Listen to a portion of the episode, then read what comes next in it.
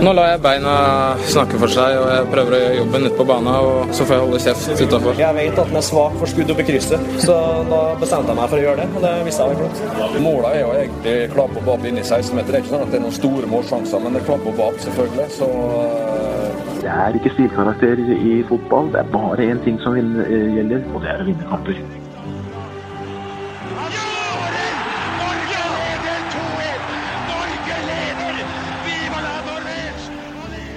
Og der er eh, toppfotball tilbake igjen, eh, Lasse. Og denne gangen så sitter vi ikke der vi pleier eh, å gjøre. Vi sitter ikke hos moderne media, men eh, i et annet mediehus. En, en, en institusjon, på en måte. Eller? Ja, kan vi nesten se det. I hvert fall når det gjelder eh, å skrive avis på nett. Ja.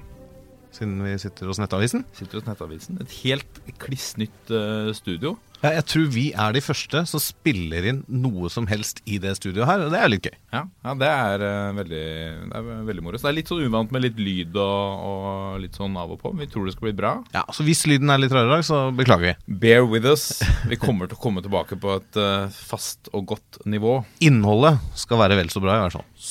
Veldig høy klasse skal det være på innholdet. For i dag er det duket for Kan vi kalle det årets comeback? Ja, man kunne jo kanskje tro i dag eh, at vinteren gjorde comeback, og at det skulle bli årets comeback, men eh, det kan ikke måle seg. Nei, jeg syns ikke det. Eh, ukas gjest uh, mente selv at eh, det kan uh, At det er litt på nivå med Jesus. Jørgen Kjernås, velkommen. Du har jo skjegget, som veldig mange hevder at, at Jesus også var i besittelse av. Jo, ellers er vel kanskje likhetene ganske få, vil jeg tro. Men takk for velkomsten. Jeg føler liksom sånn konfirmasjonsprester som ville sagt at Jesus var interessert i fotball. Han vet du. Han har vært interessert i fotball hvis han har levd i dag. Sånn kule folk liksom ville sagt det. Jesus fant opp fotballen.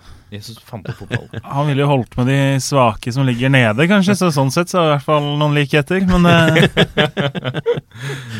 Det er eh, fantastisk å ha deg tilbake her, eh, Jørgen. Du er jo nå inne først og fremst i denne episoden for å, for å guide oss litt gjennom breddefotballen. Eh, først og fremst PostNord. Eh, fortell oss hva vi skal holde øynene opp for. Nå har, vi, nå har jo de spilt De spiller jo eh, akkurat nå, når vi sitter her og, og gjør opptak. ja, det, det er jo litt ball som ruller uh, hele tida. Så det, men det, det er gøy at det er i gang nå, altså. Og til dere lyttere, å spille inn podkast med Jørgen Kjernås, det er eh, Altså, han har eh, For det første så har han jo et hode som et breddefotballeksikon. Men for det andre så eh, sitter han og øser ut av seg den kunnskapen. Og samtidig så følger han med på gjerne svensk annendivisjon eller eh, norsk eh, juniorfotball på telefonen. Eh, og så ser vi noen sånne små jubler innimellom altså, når, når tippinga hans går inn. Ja, Da tror jeg det er en oddskupong som ligger godt an. Ja. Hva er det det går i nå, Jørgen? Nei, I dag er det jo mandag, så i dag er det jo den store andrelagsdagen. Og det er jo eh, De varierer jo ganske mye, disse andre lagene, kan vi jo si. Så Ja. det gjelder jo å ha infoen først, da, på om de kommer med en gjeng eh, rutinerte karer, eller om det er 11-14-åringer som er på banen. Har du noe Hva er det liksom Eller du, du, er du en sånn type som nekter å avsløre gode tips? Du Nei. skriver jo for Nordic, NordicBet med gode tips. Ja, det er jo litt av greia det, med å dele. Men man Altså, noen ting holder man jo for seg selv eh, tidvis. Men nå vi nevnte det. Du, eh, du eh, gikk jo på et hva skal vi kalle det, et lite utlån fra oss i, i desember. Vi kaller det i hvert fall det, Lasse. At Ja. han, vi, vi lånte han ut. Til, regner med han kommer tilbake. han kommer tilbake. Du har sagt, han har sagt at han kommer tilbake. Jeg det, jeg kommer tilbake Jeg kommer tilbake om en liten stund, er planen. Ja. Så, hvis jeg får lov, da. Ja. Det, jeg må jo si at eh, jeg syns jo sendingene har vært eh, fryktelig bra uten meg. Jeg har kost meg. Og det har vært veldig mye bra gjester som har vært innom. Så det uh, At man skal komme og ta en plass eventuelt, da gjør jo at man tenker ok, da kanskje vi skyver ut noen gjester som er fryktelig interessante. Så det blir jo en bra miks framover, regner jeg med. Ja, det, det tror jeg også. Håvard har savna det. Han syns jeg, jeg tror han syns at jeg er litt for lite peiling, og, og, men Lasse har bra punch. Men så er det bare én Jørgen Kjernås. Ja. Det virker som det. Jeg fikk jo høre fra noen her at han har vært på et eller annet lørdagsråd og Ja, name-droppa meg eller et eller annet òg, så det Håvard jeg har en liten mancrush på Jørgen. Eh, Ja, Den var til deg, Håvard Lilleheie, som ikke er her eh, i dag. Eh, så da var det bra det kom, ellers måtte jeg og Lasse sitte og slurve aleine. Det hadde blitt tynt. Ja. Eh, men eh, når er du tilbake hos oss med jevne mellomrom? Du har snakka om sommer. Ja, nå er det jo fordi jeg, jeg har jo en samboer som eh, er fryktelig opptatt nå i forhold til hvordan hun hadde det i høst. Så nå har hun første eksamen på fredag, og så er hun ferdig rett etter nasjonaldagen. Så etter det går kabalen ganske mye enklere opp på hjemmebane, da. Vi gleder oss. Vi gleder oss til det. Uh, vi må ha med et, eh, ta med et eh, tips før vi ruller videre i dagens sending. Skal jeg kanskje si litt kort om hva vi skal snakke om i dag? Uh, I og med at vi har Breddekongen på besøk, så må vi selvfølgelig snakke om Post Nord-ligaen i pulsen. Uh, og så spilles jo første runde i NM på onsdag og torsdag. Ja. Eh, der er det alltid gøy å se om vi kan finne noen eh, potensielle cupbomber. Eh, og så skal vi som vanlig se nærmere mot neste eliteserierunde. Nok å glede seg til. Men aller først et tips. Jeg fikk, fikk kjeft av Tom Nordli her forleden fordi han hadde hørt på forrige episode med Mini Jacobsen. Syns det var en god episode. Men når han satte på pause eller gikk ut av iTunes-appen, så begynte episoden på nytt.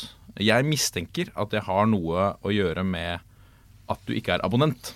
Ja, jeg tror det, for jeg eh, hører jo på den her og andre eh, relevante podkaster, og opplever aldri det. Kan gå ut av appen, lukke den helt ned, kommer inn igjen, da begynner den på samme sted. Så tips til de som sliter med det problemet, eh, gå inn og bli abonnent på Abonner på toppfotball. Ja. Er et generelt godt tips uansett. Ja, er vil jeg si. Um, har vi fått noen ratings, eh, Lasse? Det har vi ikke. Vi har fått én Nei. rating. Jeg har fått en rating uten tekst, så det er dumt å lese den opp. Ja, Det var fem stjerner. Ja. deilig, deilig. Vi hopper rett videre til uh, fantasy. Vi må snakke litt om fantasy, og det vet jeg du er veldig ivrig på. Før fantasy ble sparka i gang, Lasse, så var du veldig sånn rolig rundt dette med Fantasy Eliteserien. Eh, du hadde ikke tro på dine egne, dine egne prestasjoner der, men du leder jo den interne ligaen nå. Ja, altså, jeg har jo spilt Fantasy noen år før, da gjerne den VG-manager og sånn, og jeg har hver gang jeg har vært med så i de forskjellige ligaene mine, så har jeg alltid ligget og kava i bunn. Liksom, spenningen har vært om jeg får siste eller nest siste plass. Så jeg tenkte jo at det her blir vel samme runden som før det, da, med det. Men eh, nå har jo har jo fru Fortuna foreløpig stått meg bi.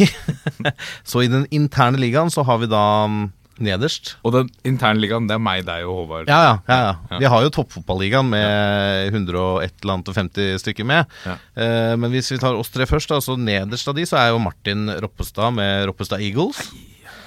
135.-plass i toppfotballigaen. Elendig. 31 poeng så langt i eh, femte runde. Nå er det én kamp som spilles om noen minutter mens vi spiller den her. Det er Haugesund-Molde. Kan du få noen poeng til hvis du har noen fra de laga med? Det kan jeg faktisk. 207 poeng totalt. Eh, Håvard ser jeg på søndag.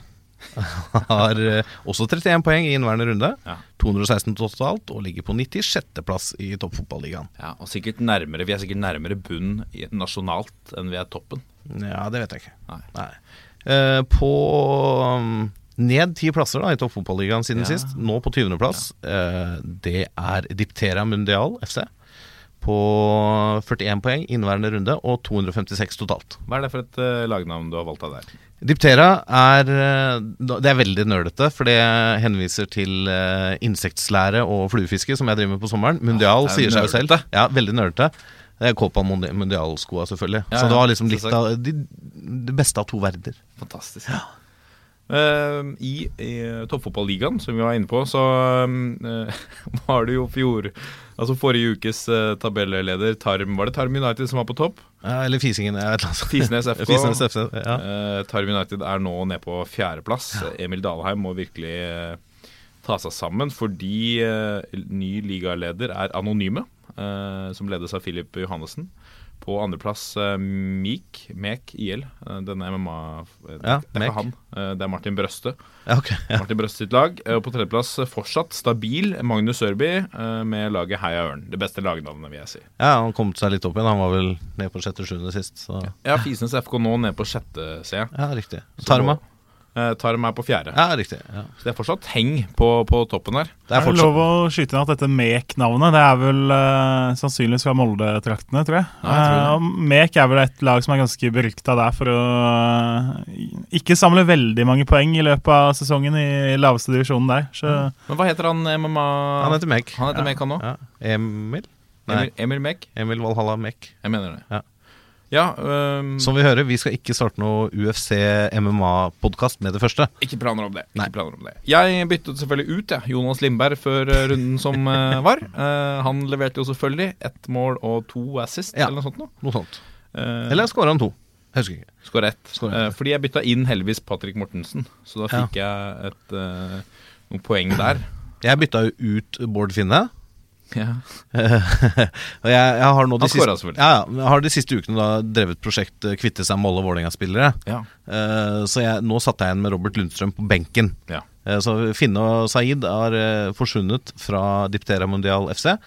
Og det er rett og slett fordi at jeg kan ikke ha Vålerenga-spillere der. For det, det blir så dobbel skuffelse når de gjør det dårlig, og at det går utover fantasy-laget. Så jeg må bare få dem vekk, og så skal jeg ha inn mest mulig spillere fra det laget Vålerenga møter til enhver tid. Mm.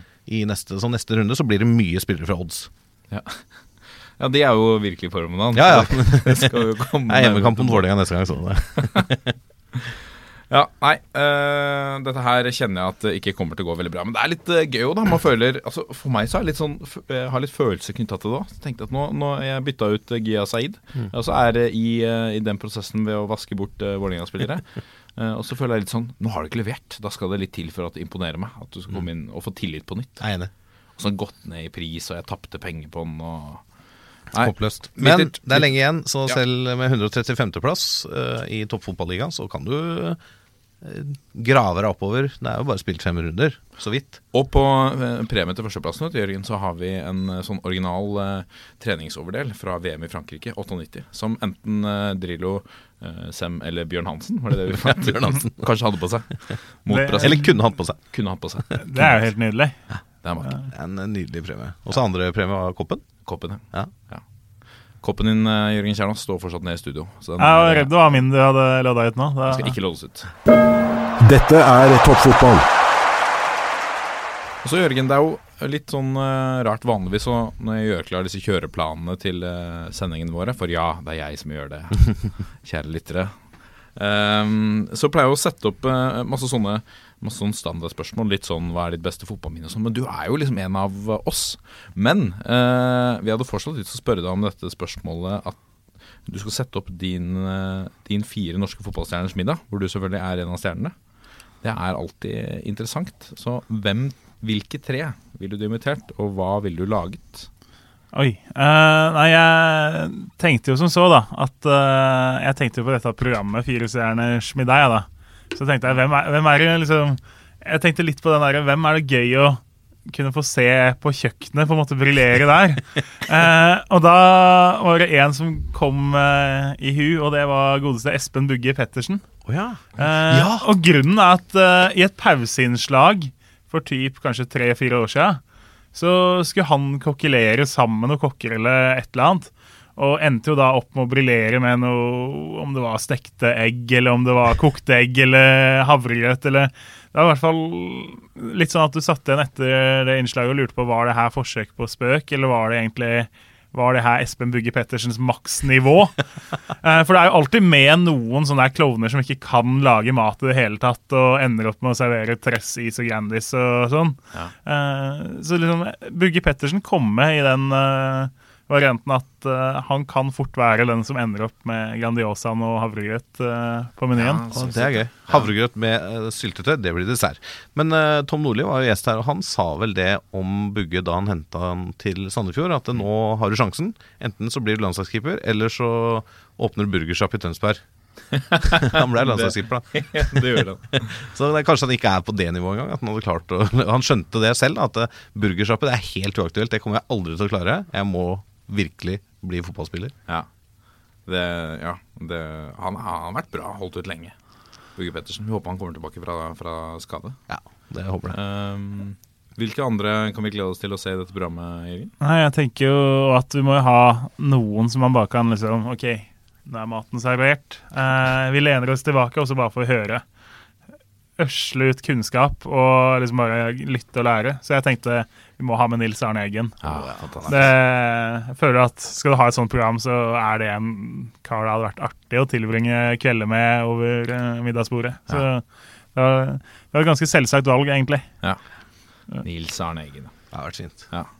Siste, da? Nei, Vi må jo ha, ha med noen som er litt sånn halvobskure. Hvis ikke så hadde jeg liksom ikke fylt helt rollen her, føler jeg. da Men det, Om det er så obskurt nå Men jeg hadde jo eh, godeste Peter Rankovic har jo skåra tre mål for eh, Arendal nå i løpet av de første rundene i første divisjon. Ja.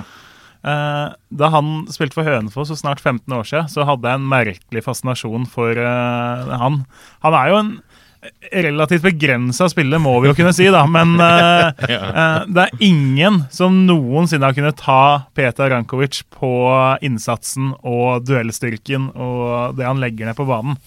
Uh, I tillegg da så har han jo vært litt potet. Han har vært rundt og knekt noen neser i Strømsgodset. Han har vært og spilt på nivå seks i England, prøvd seg på Island. Spilt i Randaberg og Hønefoss og Har som Godsom, Mjøndalen og nå i. Arendal. Han har liksom han har en fascinerende klubbhistorie, da, så jeg ser for meg at han også har noe bra historie, og så er han en bra kar. Uh, så det, det ble nummer tre. Det ble jokeren i uh, denne kortstokken. I den kurven. Du, det er jo en fantastisk samling av mennesker. Jeg så ikke den komme i det hele tatt. Espen, jeg tror jeg ingen av de gjorde det. Espen Bugge Pettersen, Nils Arne Eggen og Peter Rankovic. Jeg tror liksom ikke de har noe voldsom kjennskap til hverandre heller. Nei. Det, så jeg ser for meg at det kunne Ja, Bugge har kanskje vært innom landslaget med Drillo. Ja, Både Så vidt, da. Ja men eh, det er jo Eggen som kommer på besøk. Nei, så, herregud, der ser du.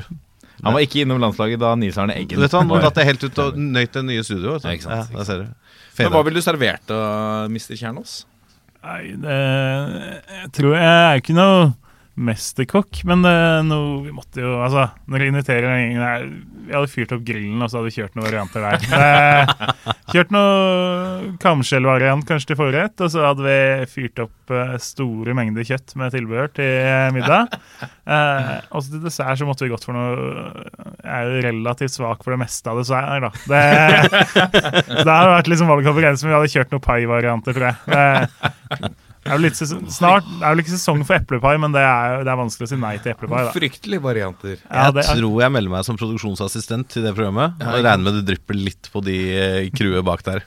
Skal nevnes at eh, Jørgen Kjernås sin, sin faste studiomat når du kommer og vi skal spille en pod, det er en rolig liten burger fra, fra Burger King. Det pleier å være det. Det er liksom ja, det stemmer det. det. I dag så hadde vi litt bedre tid, så i dag så var vi og kjøpte oss ordentlig burger, faktisk. Oi. Søs. Nå kommer pulsen.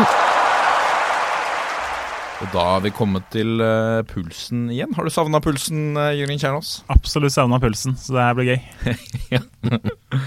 I pulsen i dag, uh, Lasse, hva skal vi få høre om? En uh, Vålerenga-mann som må bruke hjelm? Eh, skulle brukt hjelm, kan vi vel si. Det var å lese i VG i dag at spiss Henrik Kjelsrud Hansen brakk nesa på trening. Han så jo litt sånn Han så litt sliten ut på, på kampen i går. Litt eh, blå under øya og eh, lite sår på neseryggen og sånn. Ja. Viser at han brakk nesa på trening på lørdag og skulle egentlig spille med hjelm, eller maske, var det vel egentlig. Men hodet hans var for stort, masken var for liten, så han måtte spille uten.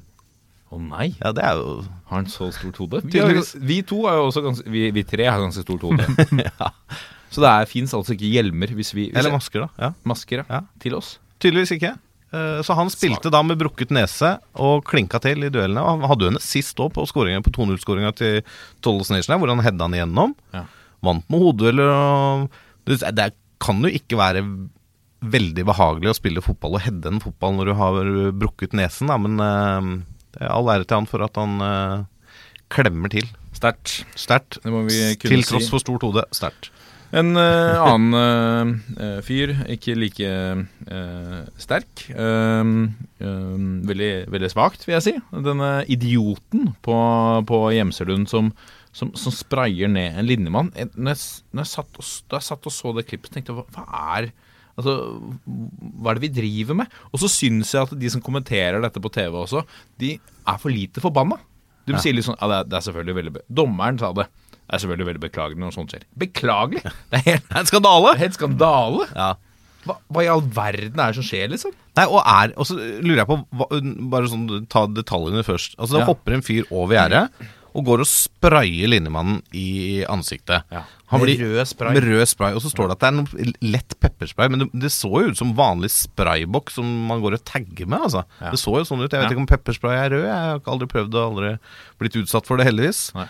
Men uh, uansett, denne linjeassistentdommeren, som det riktig heter, han skal jo ha all kred for at han fullfører kampen. Han fikk Fantastisk. vaska øynene og spilte videre med litt av rød stripe i, i dumtrynet der. Ja. Men uh, det er jo helt, helt idioti av denne fyren som hopper over uh, og gjør det her. Og man får seg jo til å lure hva, hva ligger bak.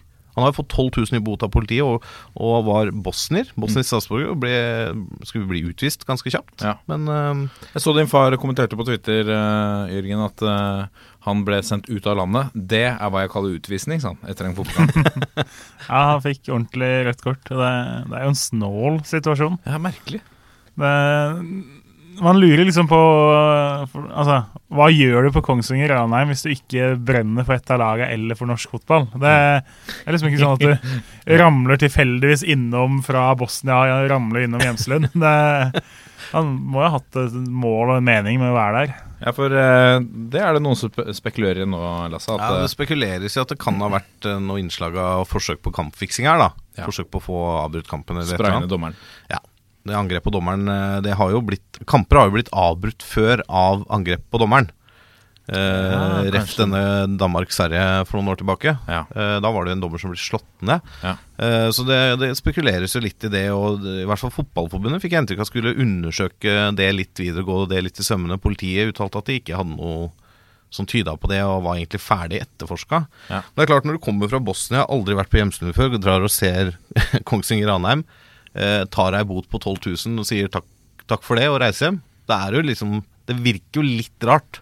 Det er veldig, veldig merkelig. Men eh, tror vi at han har satt penger på kampen, eller at han ble så forbanna for en eller annen eh, offside-avvinkning, eller eh, et eller annet at nå skal du ha eh, Men det, det, at, det må jo være planlagt. Han har jo med seg en sprayboks. Ja, du har med en sprayboks i lomma? Ja. Eh, det var jo ikke var visst ikke noen kontroverser i den kampen. Så jeg, jeg tenker hvis det er kampfiksing, så tenker jeg spekulativt at eh, han har satt penger på at kampen blir avbrutt. Enda bedre da, at linjemannen fullførte kampen, og at det ikke blåste av. Ja, det har vært åh. Nei, altså Hvis det skulle være kampfiksing, så er det sannsynligvis at de har sett at spillet har vært på vei på, ut. da. Ja. For eksempel spilt type over to og et halvt mål. da. Det var jo 0-0. Eh, og så er det jo litt forskjellige regler rundt om på bookmakerne, men typisk er at hvis du kampen blir avbrutt før 85 minutter, f.eks., da, så eh, blir på en måte betsa tilbakebetalt, det du har satt. Ja, du får Eh, igjen, ja. Så det kan jo liksom, hvis man skal tenke i det sporet, så er det sannsynligvis noe sånt. Men da er det jo litt snålt, fordi eh, det er ikke satt noe sånn unormalt mye penger på den kampen her. Eh, og når man da tenker at det er liksom satt på et vanlig nivå på de stedene du kan se da i markeder, eh, hvorfor sjekke det her oftere, på en måte, da? Eh, det er jo første gang man hører om noe sånt nå. Så da skulle det jo på en måte blitt en trend at Mm. oi, nå er vi i ferd med å tape gigantsummer her på eh, spillet vårt på norsk fotball. Da bare sprayer vi litt uh, pepperspray på Ja, linjemannen. eller gjør åpenbart verre ting, for det hjalp ikke å spraye. Så hva blir liksom det neste man Ja. gjør, da? Uh, nei, så det er underlig. Eh, Ja, vi, ja, vi kan jo le, altså, på en måte le litt av det, men det er jo, det er jo ganske alvorlig. For det er, det er et angrep på en aktør på Ja, ja. fotballbanen, og de sikkerheten deres må vi ivareta. Mm. Først og fremst, og selvfølgelig også tilskuernes sikkerhet. Det er lett å komme til norske fotballbaner, og egentlig fotballbaner overalt i verden akkurat nå, etter nye regler de siste 20 åra, med gjerde borte og sånne ting. Så, så det er litt grann skremmende hvis dette skal bli en trend. Da. Vi har jo sett i Sverige også at folk har hoppa ved gjerdet og angrepet spillere og sånne ting. Ja. Eh, så det er, noe, det er en uting. Ja. Må få det vekk. Men det er vel fortsatt sånn at vi må stole på at folk flest oppfører seg. Ja, folk flest å- oppfører seg, det vet vi jo, men det, det fins jo utskudd, dessverre. da Ja. Men det er jo, jeg er helt enig, og det er jo sånn, vi har jo noen kamper i Norge som det må tas ganske store eh, sikkerhetsvurderinger på. da. Eh, men jeg kan ikke akkurat si at Kongsvinger Ranheim er topp 100 over eh, risikokamper i eh, Norge. Så, Nei, det er sant. eh, og det er litt sånn Kanskje det blir det neste år. Ja, men det er jo litt sånn at alle norske baner eh, alle baner sannsynligvis i Premier League eller La Liga òg.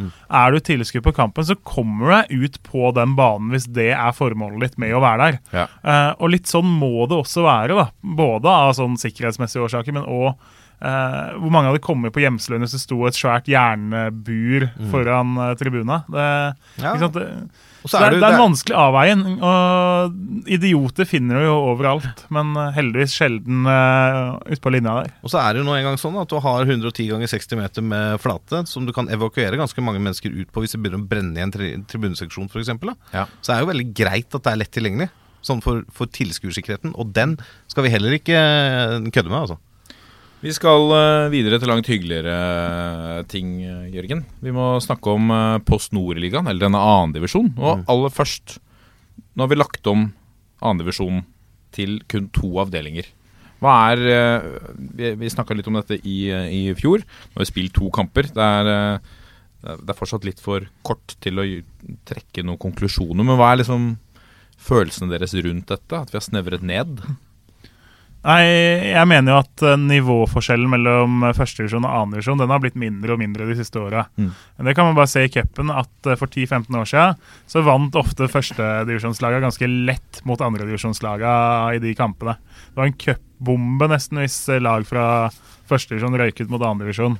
Uh, nå så skjer det regelmessig. Det er nesten sånn jevnt når de møtes, at annendivisjonslaga vinner nesten like ofte. Uh, men når vi har kutta nå fra fire avdelinger, så har du fått vekk det lille av liksom bunnslam som har vært det også på det nivået. Vi har hatt eh, noen lag som har tatt fryktelig få poeng de siste åra i annendivisjon. Og liksom nederste to, tre, fire, fem laga har ikke holdt helt samme nivået som regel. Uh, nå har du 28 ganske gode lag der. Det er ingen av de laga som er nå uh, i andredivisjon som uh, ikke fortjener å være der. da. Eh, og det som jo er ekstra spesielt den sesongen, er at alle de endte jo på øvre halvdel sist sesong, eller rykka ned fra førstedivisjon. Mm. Uh, så det vil si at de gjorde jo uh, De var jo vant, ganske vant til å vinne eller tape ganske sjelden i fjor, alle sammen. Selv lag som typ Brumunddal, Nybergsund, Kjelsås, Hønefoss, lag som mange av oss tror kan få det tøft i år, gjorde jo tross alt ganske bra i 2016. Så det, det nivået der nå, det er høyere enn det noen gang har vært. Og så har vi jo fått uh, rydda ut da, litt av det som mange har uh, ment har vært kanskje det svake punktet i andredivisjon tidligere. Altså andrelaga. I år så er det jo bare igjen to. Det er Vålerenga to i avdeling én og Odd eh, to i avdeling to. Uh, ingen andre klarte seg, eller altså, Noen rykka ned, noen var ned allerede. Det er de to igjen. Det blir spennende å se hvordan de to klarer seg i årets andredivisjon, eller om dette er liksom spikeren i kista for andre lag i andredivisjon. Nå fikk vi jo, I dag så hadde vi jo da Odd 2, som stilte ganske sterkt. Eh, som da møtte Nardo hjemme. Nardo er spådd nederst av eh, de fleste av oss. Eh, den kampen endte 4-0 til trønderne. Så eh, klart at når eh, Odd stiller såpass sterkt som i dag og taper 4-0 mot et antatt bunnlag, da blir det interessant å se hvordan de skal klare seg. Ja, så hadde du Vålerenga 2 i første runde, som spilte mot Raufoss. Og stilte et OK lag. Det var en del eh, eliteserie A-spillere i, eh, i det laget til Vålerenga der. Tapte 1-0, men allikevel Jeg tror både Odd og Vålerenga skal få det ganske tøft i andredivisjon i år. Altså. Og så er det ikke Jeg vil ikke si at det er gitt at selv om man dytter ned innpå en fem-seks eliteseriespillere, at de nødvendigvis er bedre enn de unge gutta som banker på døra. Det er jo en helt annen sult og en drive for å vise seg fram for de gutta på et reservelag. Utvilsomt, og det ser man veldig nå. Sagt, nå er det jo andrelagsmandag i dag og mye kamper som går akkurat nå. Eh, Det er skummelt å skulle spille på de laga her bare blindt på å se på navn, for det fins eh, nok av spillere de siste åra som du tenker Oi, skal han spille tredjedivisjon? Det er bare, I dag kommer han til å vinne, men så er det mange av de labber jo rundt og har 70% innsats. Det er bedre å ha en 17-18-åring som virkelig har tenkt at i dag skal faen meg vise A-treneren eh, hva jeg kan, så jeg får sjansen i cupkampen om to-tre dager uh, isteden. Ja, for du har liksom to, to veier der da, for at eh, disse spillerne skal yte maks på det nivået. Det er enten at de er super, super profesjonelle, alltid foretar seg. Uansett om de spiller andrelagsfotball eller førstelagsfotball, så gir det maks.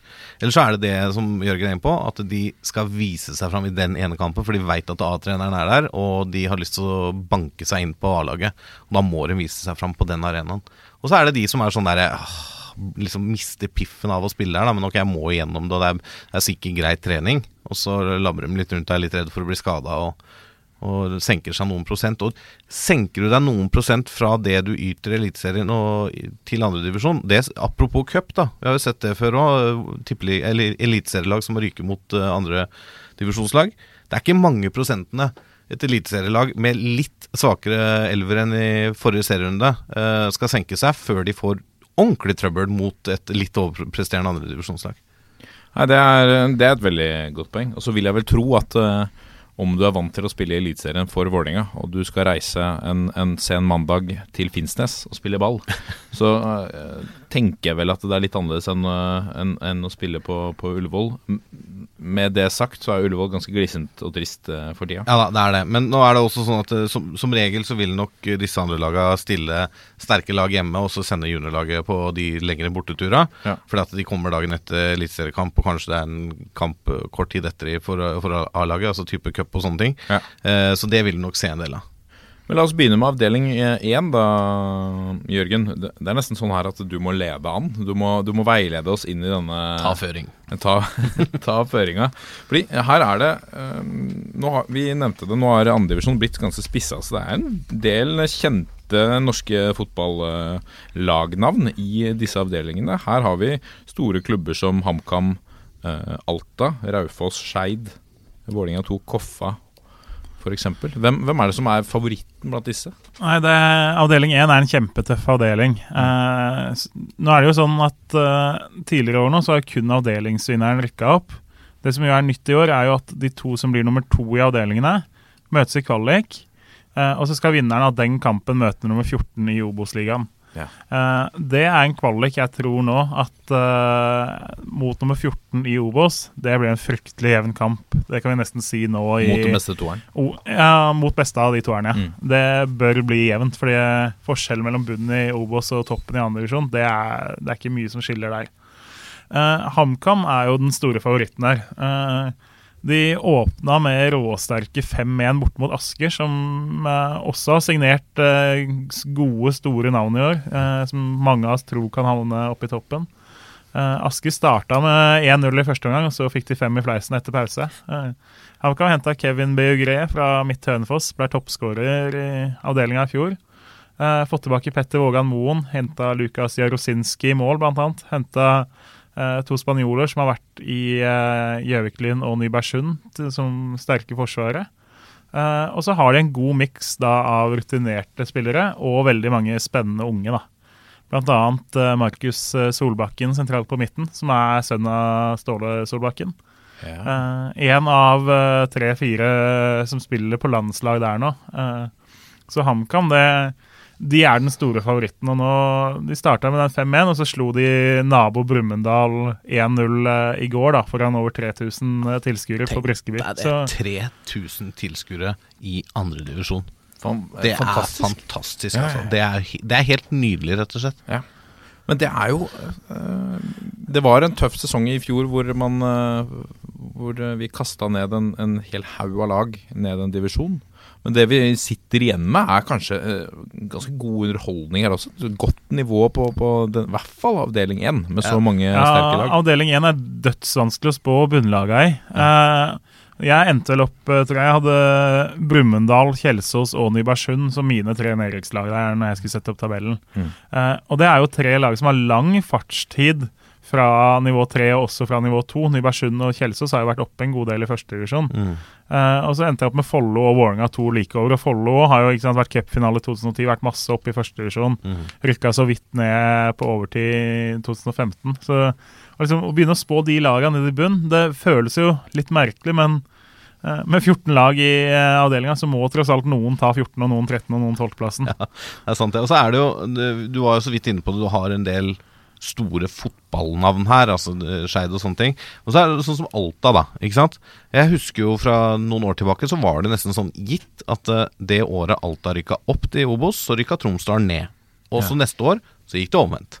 De bare bytta på å spille Obos andredivisjon i mange mange år. Det var liksom Nordland, Ja. Nordlandsalibiet eh, i andredivisjon Obos. Bytta på det. Så Alta har jo også vært for ikke så altfor lenge siden har vært oppe og snusa på nivå to i Norge.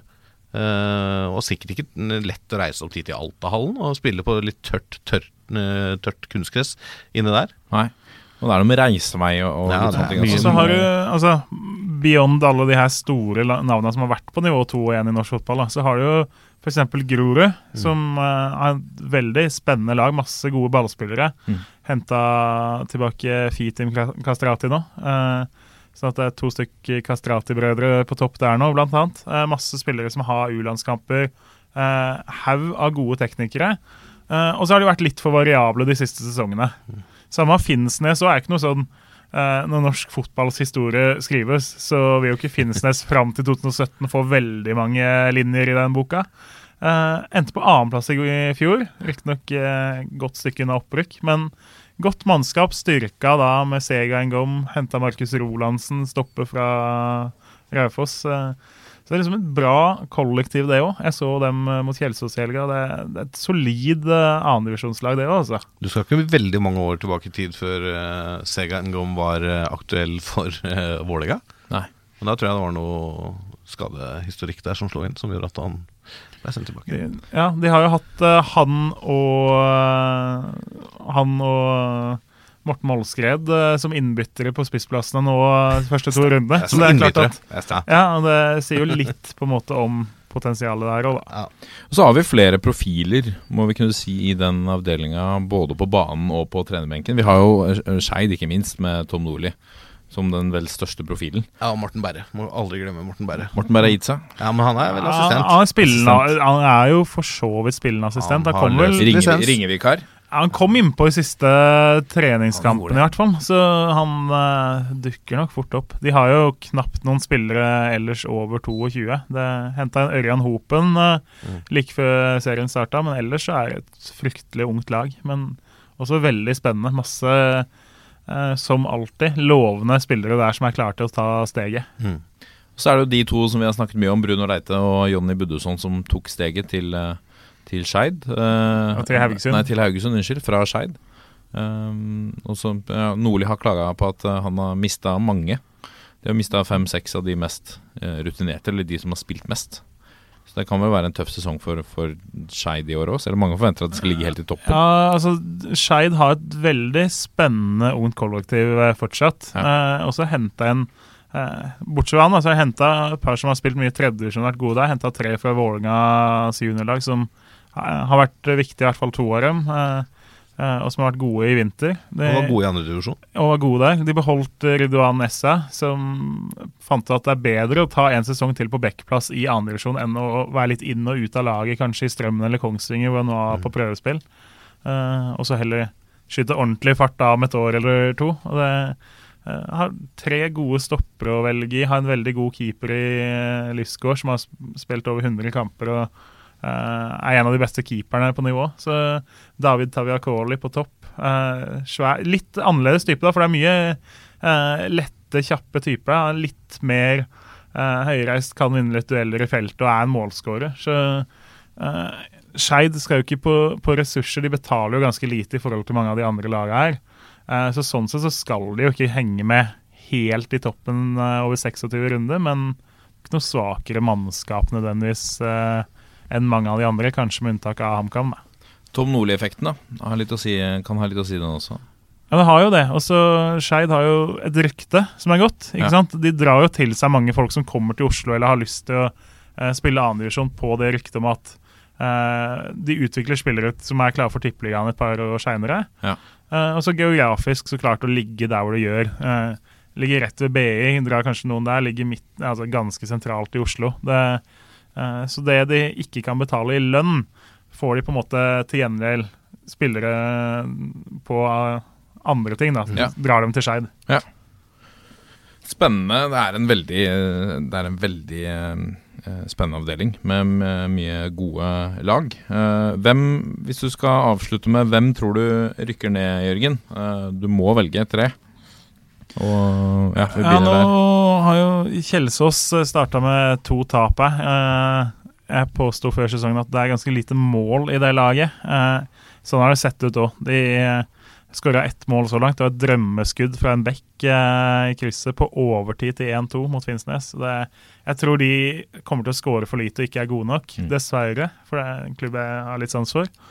Eh, Brumunddal òg. Hvordan hvordan er det med Kjelsås nå? De var jo lenge kjent for å bare slå, bare slå langt. Det var eh, Stig Mathisen som sa at det spiller ingen rolle hva slags matte du har, for at ballen skal bare være i lufta. Ja, De hadde jo et par midtstoppere som aldri tok to touch uh, gjennom 15 år i klubben. Så Fantastisk. nei, nå er de De har kjappe, raske typer på midten. Og det, det er ikke det Kjelsåset som det var uh, som holdt på å rykke opp til Tippeligaen. Eh, jeg tror fortsatt Nå har vi jo fått Det er litt enklere å spå nå etter to runder, men jeg tror Brumunddal òg skal få det for tøft over 26 kamper. Eh, og så nå, når vi ser da eh, ja, altså Nybergsund, Follo, Vålerenga 2 det, blir, det er tøft å velge. Men jeg, siden jeg må, så holder jeg på det jeg sa for to uker siden, og holder på Nybergsund. Men eh, åpner opp for at jeg fort tar feil der. På, topp, uh, på toppen, mener du? Nei, det er i bunn. Ja, med, ja i bunn, ja. Uh, valgte du ikke ut nå tre? Nei, ja, det- sto sto mellom Ja, det er tre nedrykkslag. eh, Ja, Nybergsund, Brumunddal, Kjelsås. Ja, ja. Helt til toppen, da. Der har vi jo to plasser som er viktige. Ja, er altså HamKam har det favorittstempelet. Når de slår Asker, som jeg for to uker siden spådde på annenplass Når de slår dem 5-1 borte i Mm. første kamp, så er det vanskelig å gå vekk fra det tipset om at HamKam rykker opp nå. Eh, og så har jeg jo sagt Asker, da. De starta som sagt med 1-5. Fikk 0-0 borte mot uh, Raufoss nå i runde to. Uh, var ganske gode der. Uh, klarte ikke å få hull på byllen, uh, selv om de spilte mot ti mann på slutten. De har henta mye navn, men prøvde en 3-4-3-formasjon som har sett litt lite effektiv ut. så jeg tenker at Jeg begynner å innse at det kanskje kan være feil, men jeg står fortsatt på Asker. De bør i hvert fall, når du henter Kenneth Udjus, henter Ricky Alba, har Thomas Sokolowskien og Alexander Solli bli med videre. Eh, de har et par veldig spennende unggutter. De, de bør jo eh, forvente å kjempe oppi der, så jeg holder på annenplassen der. Tror du Jørgen Kjernås tror at Vålerenga 2 holder seg, Lasse? Hva er din, eh, dine følelser og tanker? Akkurat nå så har Vålerenga 31 spillere i avstanden sin. Bør være litt å ta av for å gjøre en uh, dugnadsinnsats der for å ta nok poeng. Mm. Uh, og det er bare tre lag som rykker ned. Men jeg er bekymra for Vålerenga to i år. Uh, nå ligger de under mot Skeid as we speak. Ikke veldig uventende det. Og har da begynt med sannsynligvis da to tap på de to første. Mm. Da kommer du litt på hæla med en gang. Og selv om det er bytter mye spillere, sånn, så gjør det noe med en, en tropp. da Mm. Det gjør noe med det, de juniorgutta som får prøve seg på sannsynligvis et litt høyere nivå enn de spilte på i fjor, de som fortsatt er, er der. Eh, og de har mista noen viktige juniorspillere som var gode i andredivisjon. Jeg er bekymra for, uh, for Vålerengas del, da om de Ja. klarer å holde, um, holde andredivisjonsplassen. Jeg håper det gjør det, for det kan jo være ganske viktig for utvikling av spillere nå, når resten av Eliteserien har andrelaga sine et nivå under. Eller to. Samtidig så tenker jeg at eh, sånn som det blir for Vålerenga og Odd i år, da. De får trene lite på det her å styre kamper og Mm, mm. sånn, eh, de unggutta. For hvis de stiller uten A-lagsspillere, så kommer de til å få det tøft i de fleste kampene. Mm. Eh, men så, hvis man ser på tredjedivisjon, så har jo den etter omlegginga blitt veldig mye bedre, den òg.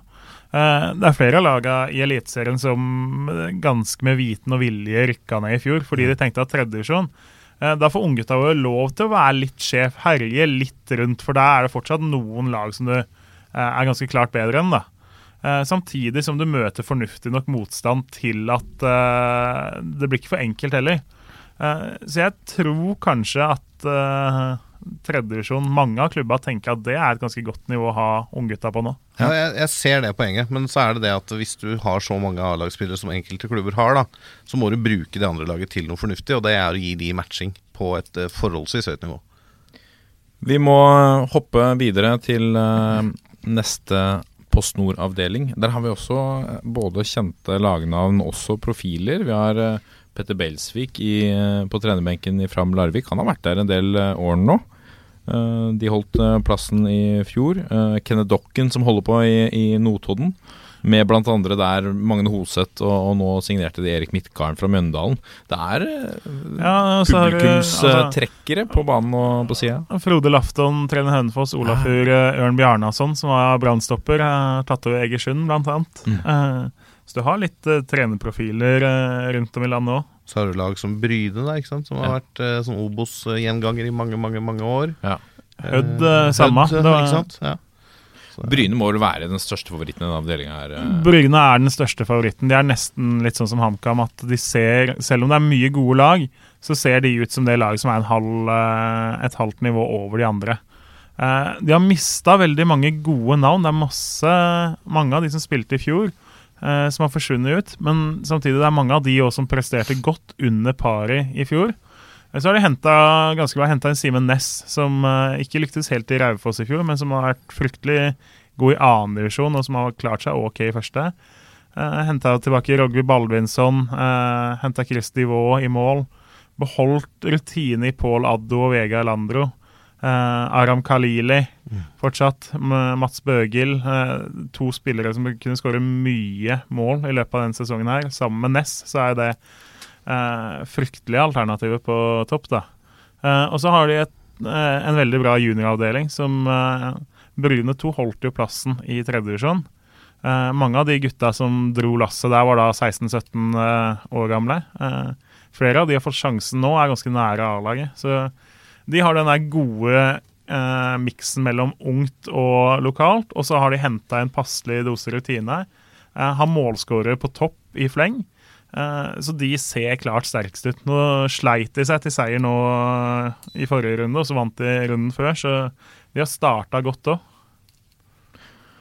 Det er, eh, det er en, uansett en, en eh, spennende avdeling. Eh, lag som Notodden og, og Magne Hoseth holder han fortsatt eh, koken? Ja, nå, han- når han starta på benken i første rundene, og i fjor så var han ganske mye av og på, litt skade, litt på, litt av, litt benk. Eh, så det er klart, det er ikke den Magne Hoseth vi vil huske fra landslagsdrakta og fra cupfinaler og lignende.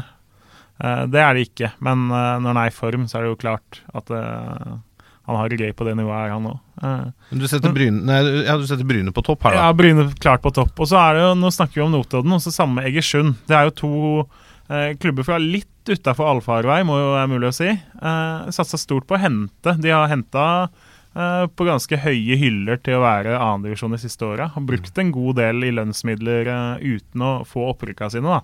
Klart Notodden har jo vært oppe et par ganger, men detter fort ned igjen. Eh, så begge har liksom hatt forhåpninger og betalt ut penger for å kunne klare et opprykk de siste åra uten å lykkes. Eh, Jeg syns begge ser ganske gode ut nå. Nå vant Egersund interne kampen mellom dem. Eh, og så spilte Egersund uavgjort hjemme mot Nest Sotra, som er et annet lag som bør være eh, med i toppen. Mm. Så er de, Da har vi egentlig nevnt de tre jeg tror det står mellom bak Bryne. Det er Notodden, Egersund og Nest Sotra, og det er for meg de tre nest sterkeste. Nesotra mista jo forsvarssjefen deres, Max Bjørsvik, i en uh, hva, hva, hva var det snakk om der, uh, Jørgen? Han, han fikk en jobb uh, som regnskapsfører og bytta klubb. Ja, for han fikk jobb da på Nesttun, som er Fana-området. Ja. Passa ikke helt med treningstidene til Nest Sotra hvordan, med jobben og sånn, så da bytta han klubb til Fana. Vi er fortsatt på det nivået, at Ja, ja. vi bytter klubb når det ikke passer med treningstidene.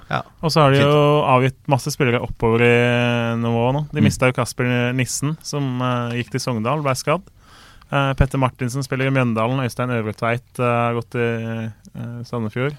Så de har avgitt spillere egentlig en masse eh, i løpet av vinteren. da Men så har de henta masse nytt òg. Mest spennende er jo Alexander Dang. Ja. Uh, Han har du snakka mye om før. ja, vi om han i forbindelse med årets Vardy. Ja, han burde jo kanskje vært en sterkere kandidat i årets Vardi, men falt jo litt gjennom på at han tross alt aldri hadde prøvd seg høyere enn tredjedivisjon. da. Eh, fordi i klubber som Hovding og Sotra så har han jo bøtta inn sinnssvake mengder med mål eh, de siste årene. Eh, I fjor så ble det vel 41 eller 42, eller vi, vi var på det nivået. Liksom over 100 mål de siste tre åra. Fantastisk. Eh, når han starta opp og skåra begge kamper så langt uh, i Nest, og spiller da sammen med Jonny Furdal, høy, slepen tekniker som Hva skal man si? Ja? Hvis Dimit Dimitar Berbatov hadde vært fra Vestlandet og passa best på som offensiv midt, og egentlig syns det var helt ålreit å bare kose rundt i annendivisjon istedenfor å satse mot tippeligaen, så har du sånn cirka inntrykk av Furdal. Det er en, eh, en spiller jeg er veldig fan av, og som jeg syns det er synd. Han var innom Haugesund eh, og fikk noen kamper der i sin ungdom for ti år siden. Eh, og så har det liksom rota rundt i lavere divisjoner og eh, vært oppe med nest, men var mye skada da de gikk ned sist nå, dessverre. Eh, men som i annendivisjon er en sånn spiller som Hvis du tilfeldigvis skulle befinne deg et sted hvor Nest Sotra spiller kamp i løpet av året, da, så er det eh, en spiller det er verdt å ta turen og titte på. Apropos målskårere, vi har vel en i Vindbjart òg, som, eh, som skårer litt, eh, og har vel så vidt prøvd seg på øverste nivå, i hvert fall. Øyvind Gausdal. Ja, Ja, han fikk én kamp for eh, Start da han var på utlandet, og da skårte han vel bort mot Fredrikstad. ja Spilte elleve 11, 11 minutter, han. 11 Ja. minutter eliteseriefotball, ett mål. Ja, så det, er, det sier jo litt om eh, statsa. Han uh, Vindbjart er jo De står jo for det her med at uh, det er bedre å vinne 5-4 enn 1-0. Og det er mange som Mm. Det er sier deilig. Det er, Det er mange som sier det, da. At ja, jeg vil heller, Og så viser du ikke det på banen i det hele tatt. Vindbjart viser jo det på banen. Ja. Uh, og det er klart Spiller en offensiv 4-3-3, og han er en svær midtspiss. De satser ordentlig på kanta, alltid hatt raske, gode kanter. Ja, han får jo masse baller å jobbe med inn i feltet hver eneste kamp. Og da, når jeg er stor og sterk og elsker å skåre mål, så finnes det jo ikke så mye bedre enn å få 20 innlegg i løpet av en kamp. Ja, jeg tror liksom Vindbjart er ikke et lag som jeg tror kommer til å hekte seg på i opprykkskampen. Men det er et lag som kommer til å skape mye trøbbel for de andre topplaga, tror jeg, da. Nettopp fordi at det er så ukritisk. Ja, det er så ukritisk måte de spiller på. Da Noen Ja. ganger så lykkes du ordentlig med det. Og, og i hvert fall når de spiller mot lag som kanskje er litt grann bedre, som Ja. slipper litt grann mer opp, ikke er like kyniske, og gir dem de romma på kanten, gir de de romma til å slå de innlegga, da kommer de til å skape mye mye trøbbel for eh, en topplag. Tror jeg, da. Han skåra 26 mål i, i fjor, eh, Jørgen. Øyvind eh, Gausdal, tror du han eh, fortsetter å levere i år? Ja, han Samme til, nivå? Ja, han kommer til å dunke inn eh, mye mål, eh, han òg. Men det, han òg kommer til å få merke det her med at de møter ikke de der lagene de kommer til å knuse i år. Mm. Det har de jo gjort de siste åra. Han, har vært, eh, han scora stabilt mot alle, men han har jo fått ekstra mye mål mot de dårlige laga òg. Mm. så 26 blir det ikke i år, men at han kan komme seg opp mot 20, det bør han klare også denne sesongen her. Eh, Hva med Sindre Eids uh, Hødd? Hvordan uh, Eh, kommer de jeg endte med å dytte Hødd ned på en sjetteplass da jeg Oi. skulle sette opp tabellen. Eh, de har også mista veldig mye i løpet av vinteren. Uh, vært svekka, og så plutselig henta de fire stykker da mot slutten av vinduet. Henta brødrene Breimyr, som har vært litt rundt og sittet mye på benk. Hen Eh, Henrik og Andreas, som er lillebror som har vært en tur i eh, Palace Mm. uten å få spille der. Kom tilbake nå til Viking, var ikke i nærheten der. Eh, og så har de henta da Bader Rahoui, fra, som spilte litt Fredrikstad i fjor. Eh, og så Amani Mbedule, som eh, skåra mye for Sarpsborg junior og annet lag, men som liksom ikke har vært helt god nok for tippeligaen. Eh, Sistnevnte er en god signering, men ellers så eh, Grei elver, ganske syltynn stall. Uh, de ser ikke skarpe nok ut, syns jeg, i det hele tatt til å kunne utfordre, i hvert fall ikke om opprykket. At i øvre halvdel bør det bli, men ikke noe mer. De har jo hadde en forferdelig sesong uh, da de rykka ned. Tror du det påvirker dem på noen måte nå i ny, ny Eller er det ny giv? Ja, det er jo litt nye, men det er klart eh, nå er veldig mange av de som var henta inn utenfra, er borte fra forrige sesong. da. Eh, og så kommer det unggutter opp om alle av de er klare til å ta steget. De, eh, de skal ikke ha mange skadene før de må kaste inn på en god del som ikke har spilt noe særlig eh, høyere enn tredjedivisjon uh, på det laget. Så Jeg må få lov å bare arrestere Jørgen litt. Grann. Oi, Ja, oi. for han har jo, kom jo tidligere, så jobbet jo han et sted hvor de konsekvent kalte øverste nivå for Eliteserien. Men her sitter han og sier tippeligaen hele tida. Nå er det faktisk Eliteserien, Jørgen. Så nå må ja, du- Ja, nå er jeg litt må du men, deg. det, ja. men det var tippeligaen da han uh, Ja, kom hit. Så det, vi snakker jo Ja, greit. Det er greit. Det er greit. uh, men ellers så sa du jo Jeg fikk jo oppgaven å snakke litt om uh, spillere som kan være litt gøy å se opp for. da Ja, og det Og så gjorde de ikke i elsker vi jo kanskje fun facts også her. Ja. Eh, og Fana, eh, som vi jo da snakka med Bjørsvik, de har en veldig spennende spiss i Sondre Liseth. Eh, ganske ung, fyller vel 20 i løpet av året. Eh, Skårte eh, rundt 10 mål sist sesong. Eh, men i tillegg til å være en ganske spennende spiss, da, som kan ha liksom, utsikter til å spille høyere, eh, så er han også tidligere verdensmester i jetski. Nei.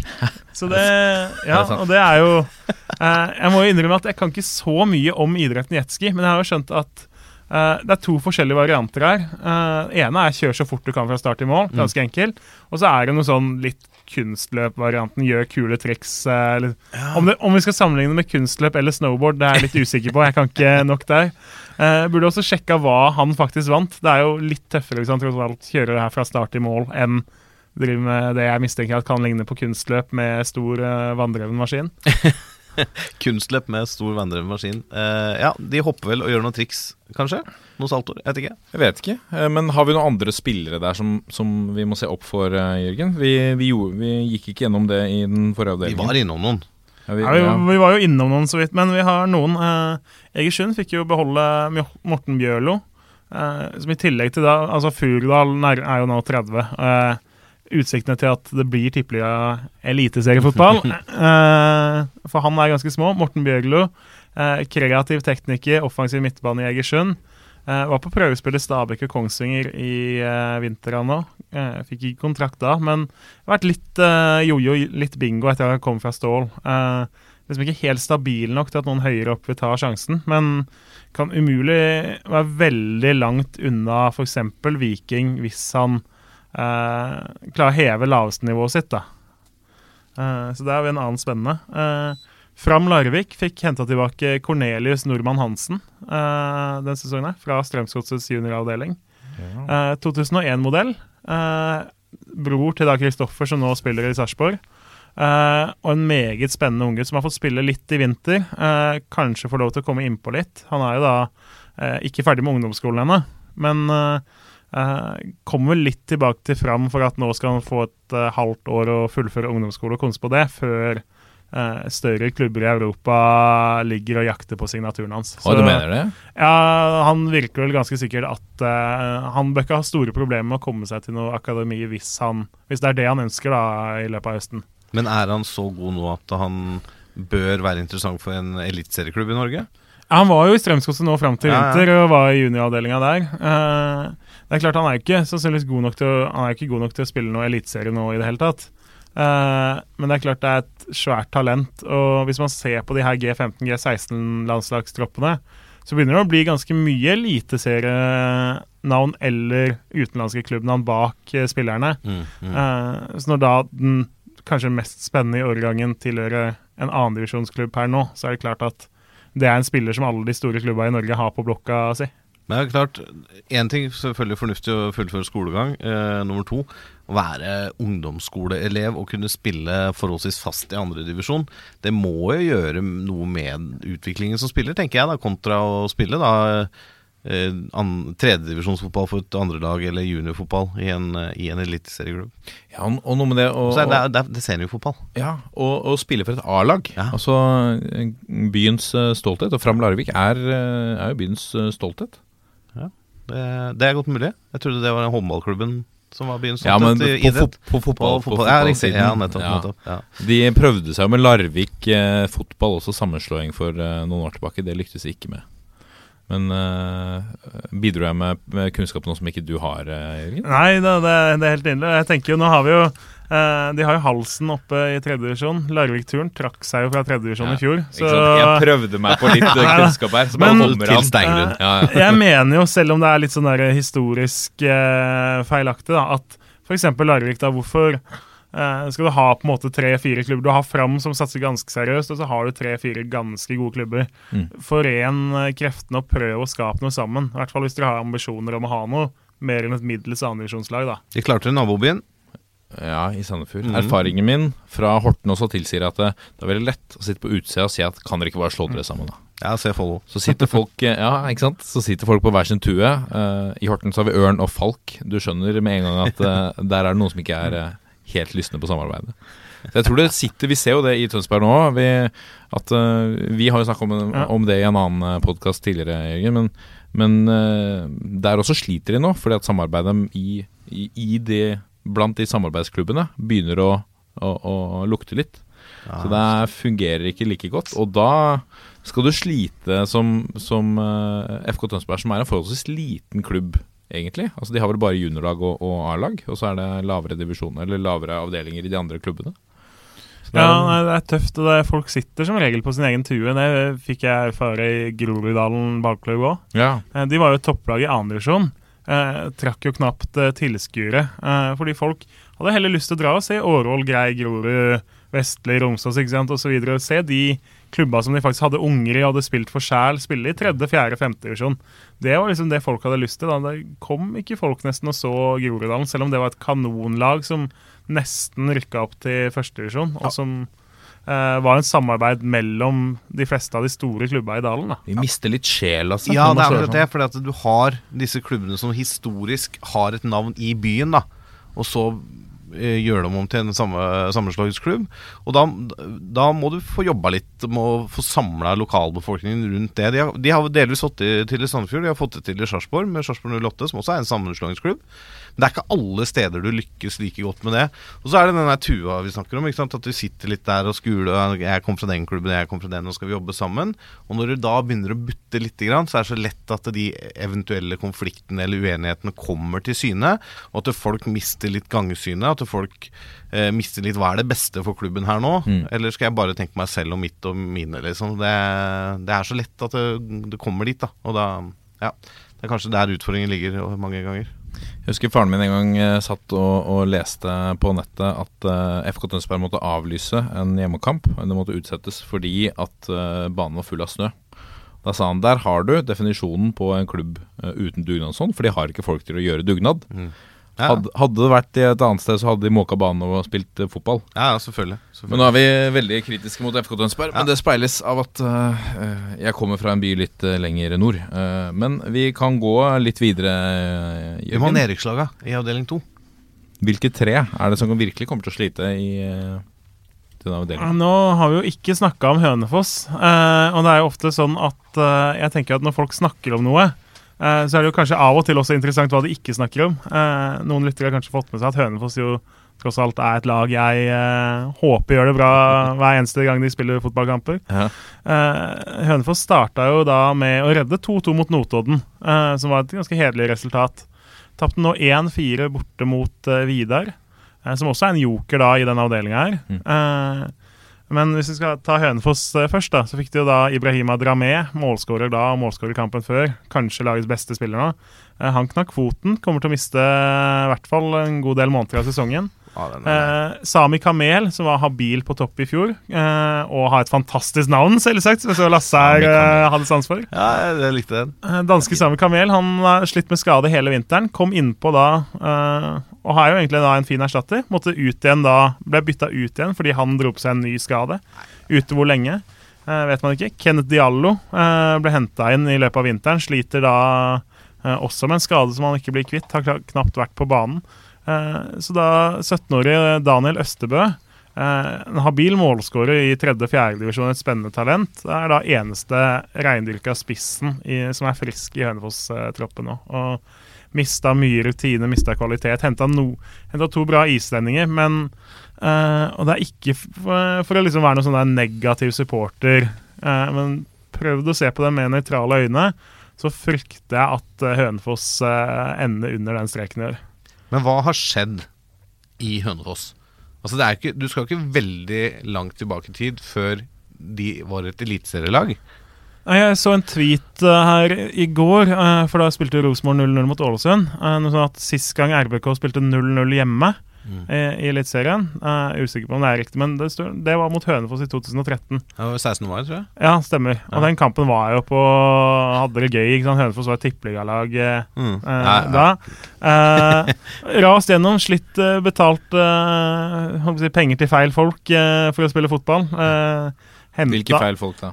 Nei, altså Malik Mane er vel ikke akkurat en fyr som får statue utafor Aker Arena i nærmeste framtid.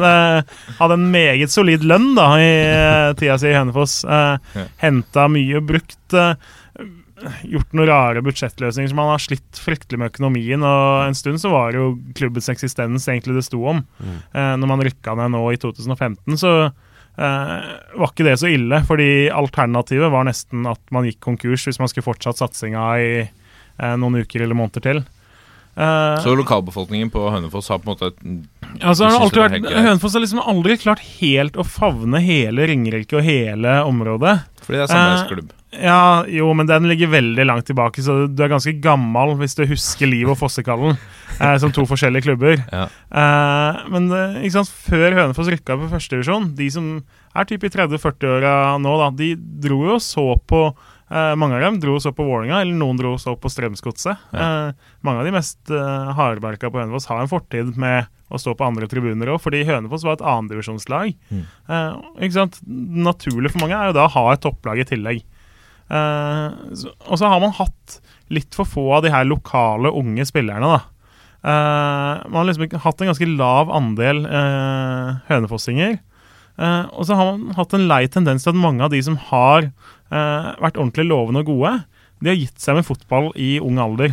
Eh, sist nå Hvor, hvorfor det? da? Nei, litt av problemet som jeg tenker på Hønefoss, er at de som har vært de mest lovende spillerne nå, har vært fine, oppadgående, smarte typer. da. Så mange av dem har funnet at uh, istedenfor å bruke all min tid på fotball nå, jeg, og jeg har stått litt stille fra jeg var 17-18 til jeg har blitt uh, tidlig i 20-åra, så istedenfor å stå stille og være en middels fotballspiller, så satser jeg nå på utdanning, for jeg er en smart kar og kan få meg en bra utdanning, og det er nå jeg kan gjøre det. Uh, nå sist Martin Thomassen. Uh, masse U-landskamper fra noen år tilbake. Spilt en del tippeliga for Hønefoss. Trente med Lillestrøm i vinter uten å få kontrakt der.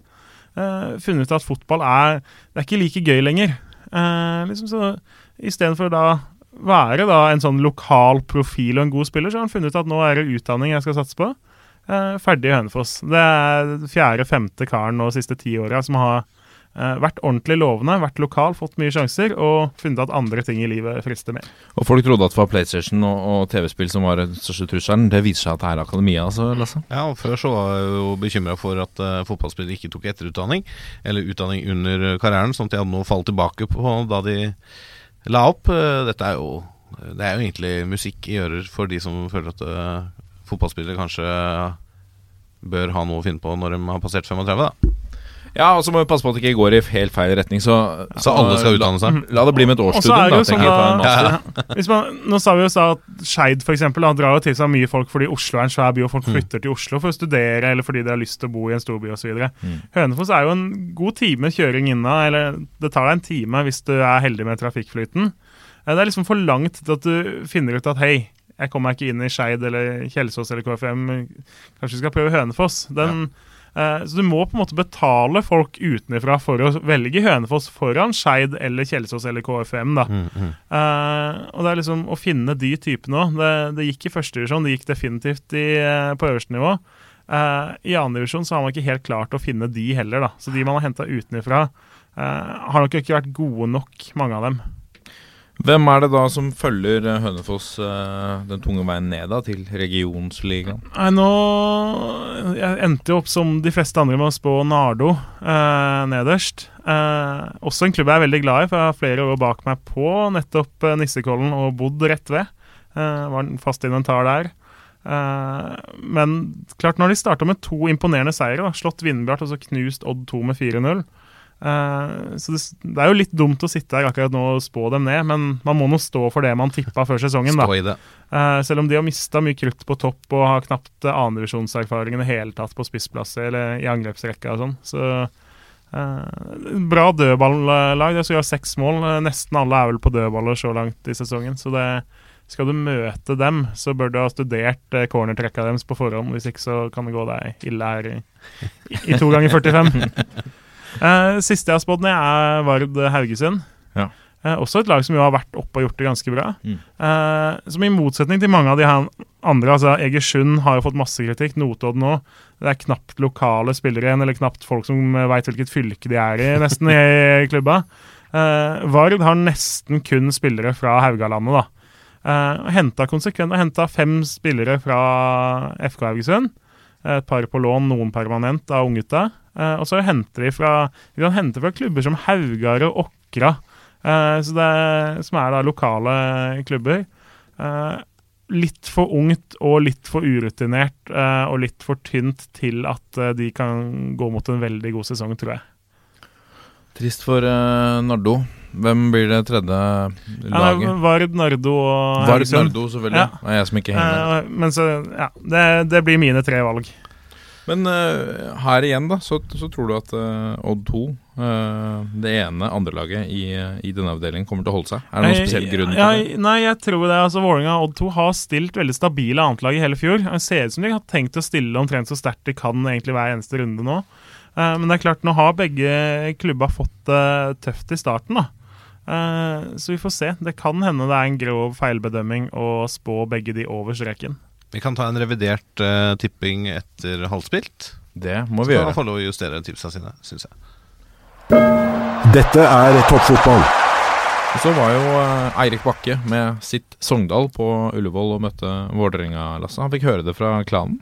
Ja, han fikk høre det fra klanen, og da kom det jo en liten artikkel i eh, Verdens Gang etterpå, ført i pennen av selveste Morten Stokstad, hvor overskriften var eh, 'Bakke hetset av klanen'. Ja.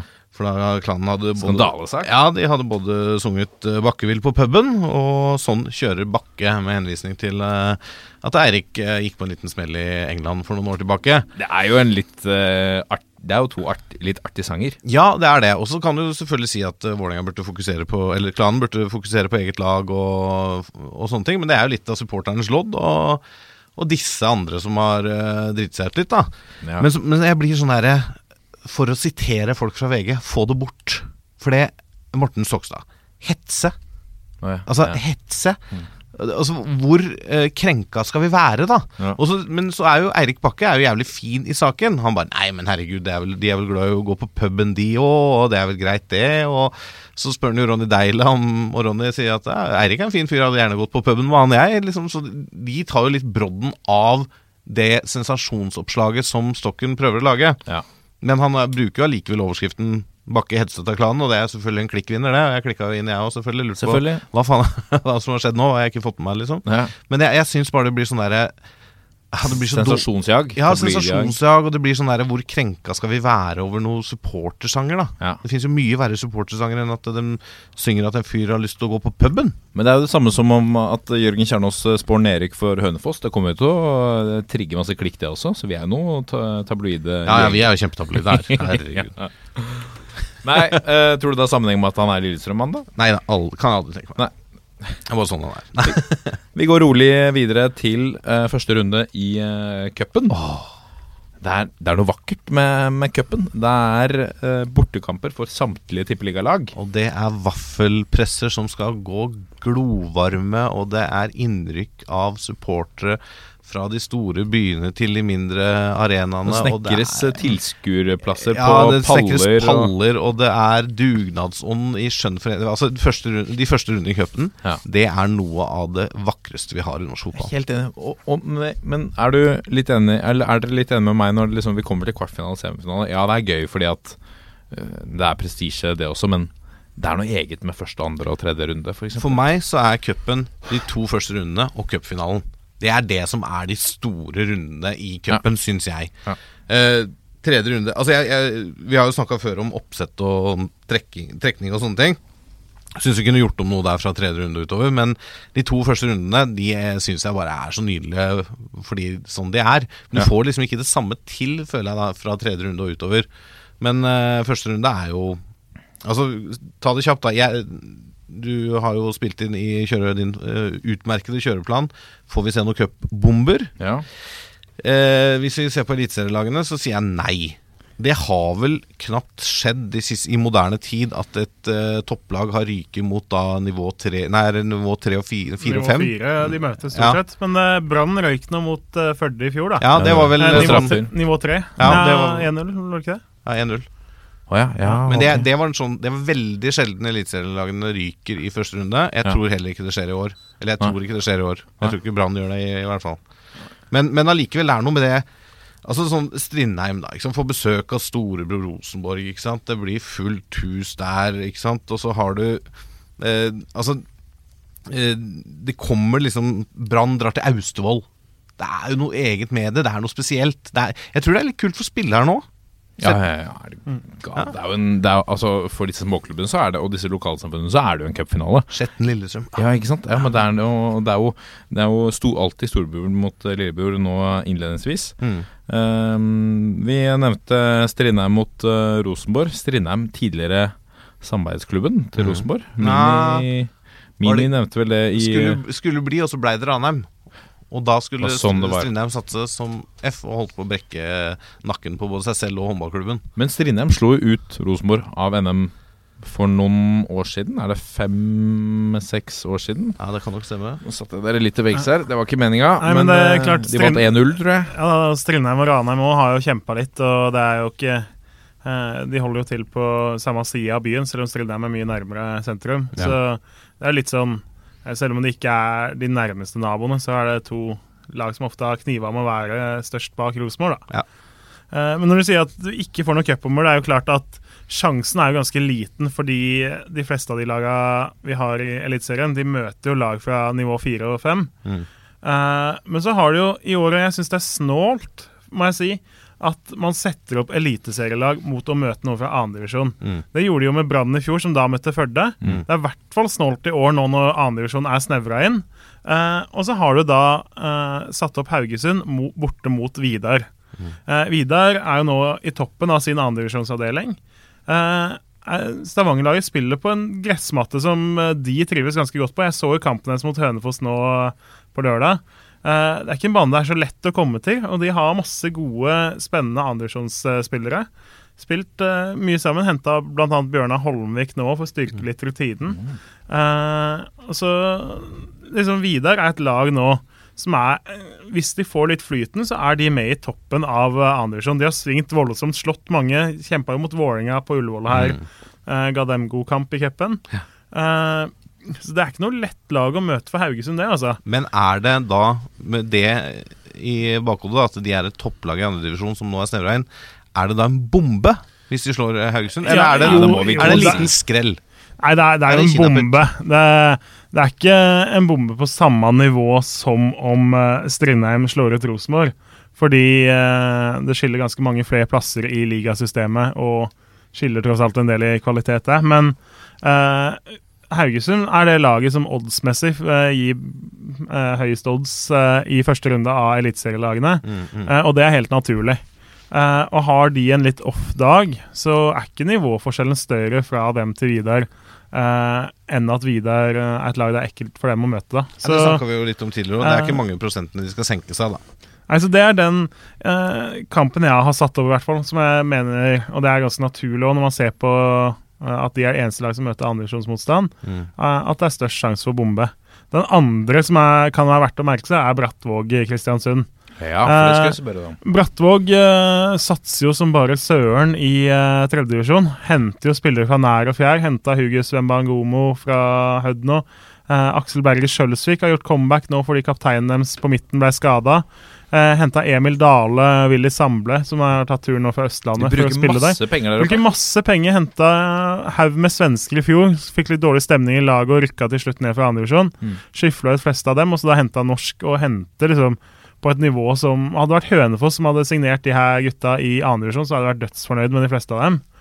Eh, og klart Kristiansund fått det ganske tøft i starten av eliteseriesesongen. Eh, Og her skal de dominere. De ja, og skal- de, Brattvåg borte er en ekkel motstander. Det er ikke noe smooth sailing for eh, Kristiansund den kampen her. Det er klart at de skal jo gå videre, og gjør jo det i 18 eller 19 av 20 tilfeller. Men eh, eh, de også må være ganske skjerpa. De har ikke råd til å slippe seg ned til 90 eller 95 der. Kan jo kanskje sette et lite utropstegn ved Skjetten Lillestrøm òg. Lokaloppgjør der. Eh, I hvert fall i den formen Lillestrøm har vist i det siste. Å, jeg syns du spiller dårlig. Eh, ja, de, ja, det gjør det jo resultatmessig, men de Jeg synes, ja, Vi kommer inn på det senere. Ja, jeg syns du spiller helt forferdelig. Ja, det, men de, de virker så shaky. Ja.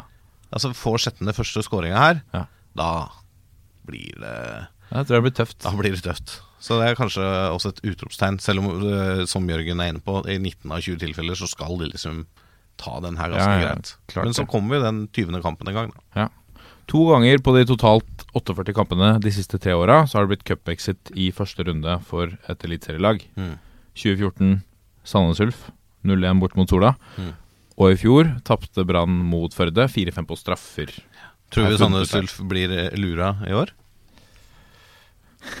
Møter de Lura? Det gjør de? Har vi blitt en sånn pod? Nei, det har vi ikke. Ja, vi måtte bare prøve. Jeg har lyst til å trekke fram eh, Apropos. Jeg har lyst til å trekke fram eh, et annet oppgjør. Hei mot Odd på Mortens plass.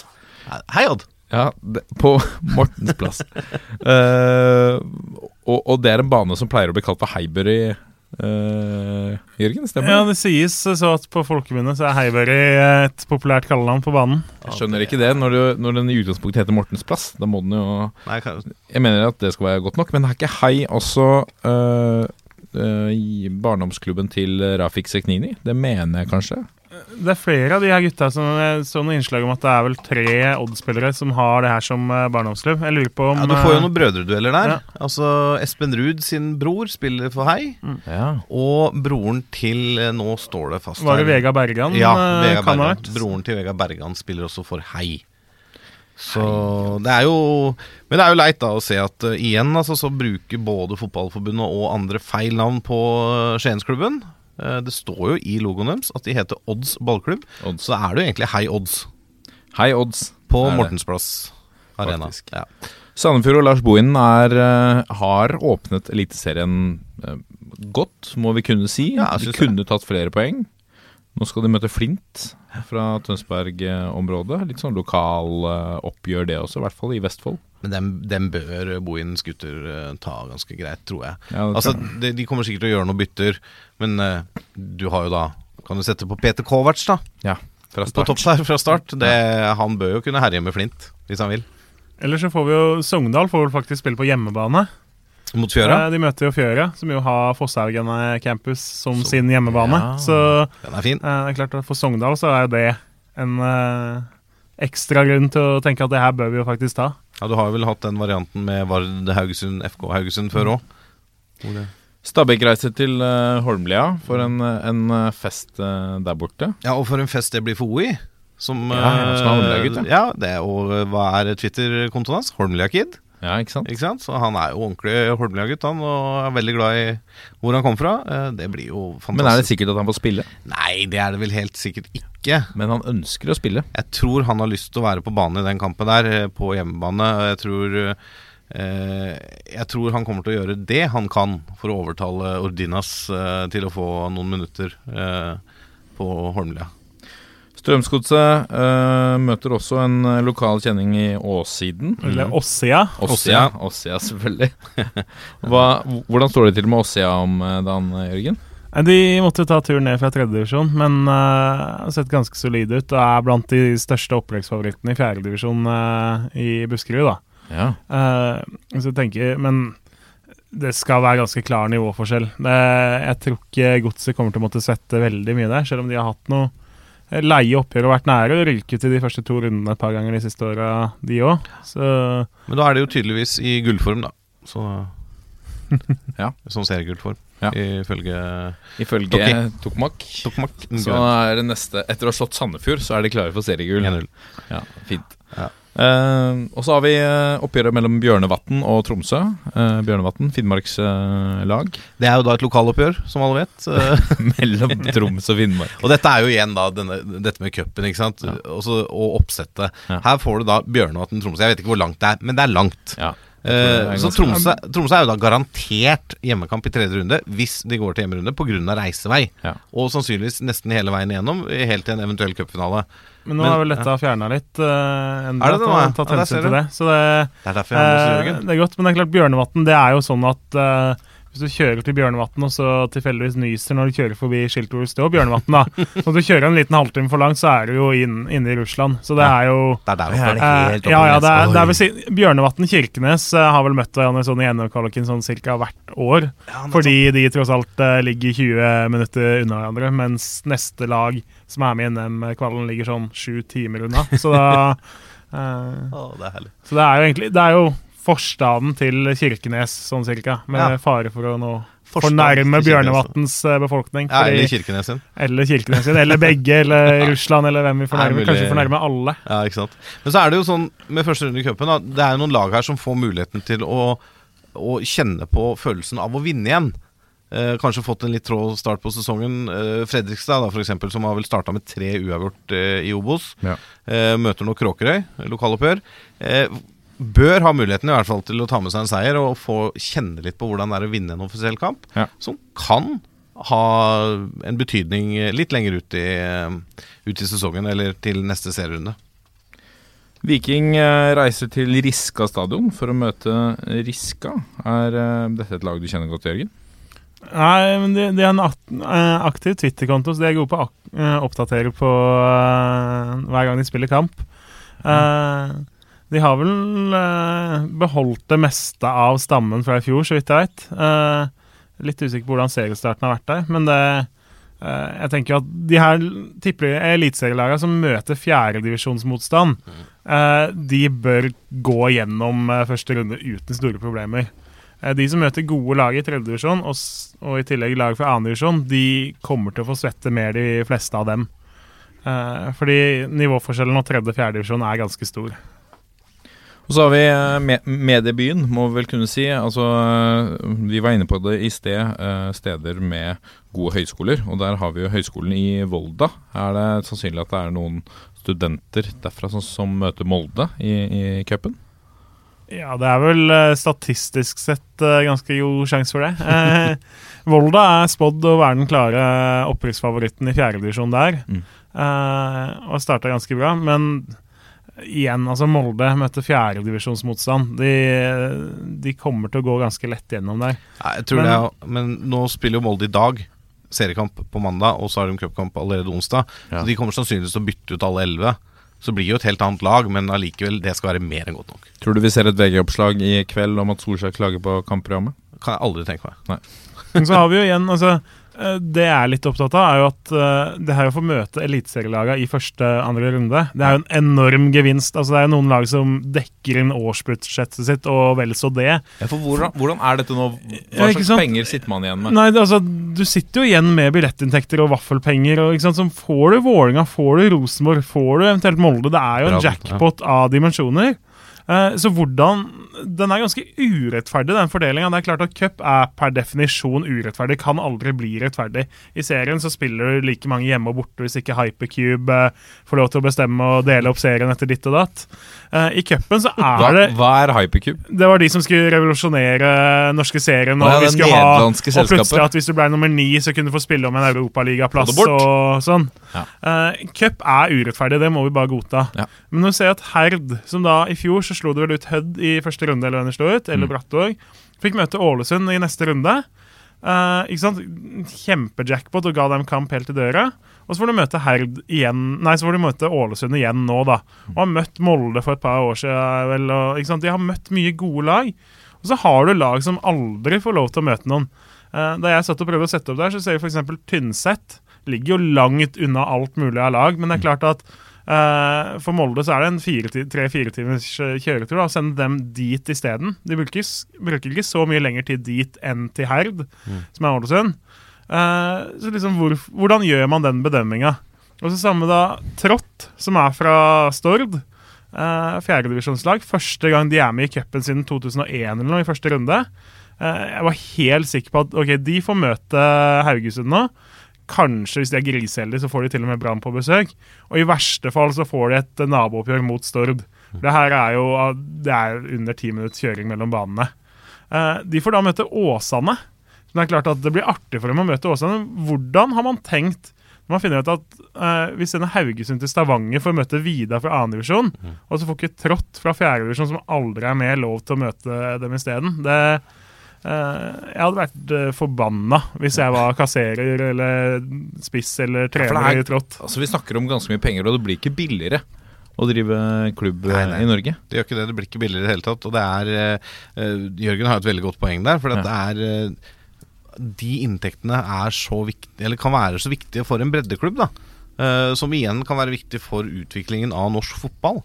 Eh, for hvis en av disse klubbene som nå ligger og lurer i tredje-fjerdedivisjon, da får plutselig litt mer penger på bok, muligheten til å kanskje få litt bedre trenere, litt bedre treningsfasiliteter, så er det litt bedre vilkår for at den ene eller de to veldig talentfulle gutta eller jentene tar steget opp og kanskje kan gjøre at eh, vi får bedre fotballspillere i Norge, eller at de tjener mer penger på spillersalg, uh, utdanningskompensasjon osv. Altså det, det, det bør være litt sånn at det, Fotballforbundet legger seg litt i, i selen for å på en måte få gjort dette såpass eh, jevnt som mulig, så alle eller så mange som mulig av disse klubbene får muligheten til å møte For det Åsane er Det er eh, Ja, nå holdt jeg på å si trått, men jeg det, det er litt uh, kjett for, for trått å møte I dag, Lasse. Ja, I dag. i dag vet du. Så, ja, men det er, altså, det er som Jørgen sier, det er ikke det samme som å få Haugesund, Brann eller Viking på besøk. Altså. Nei.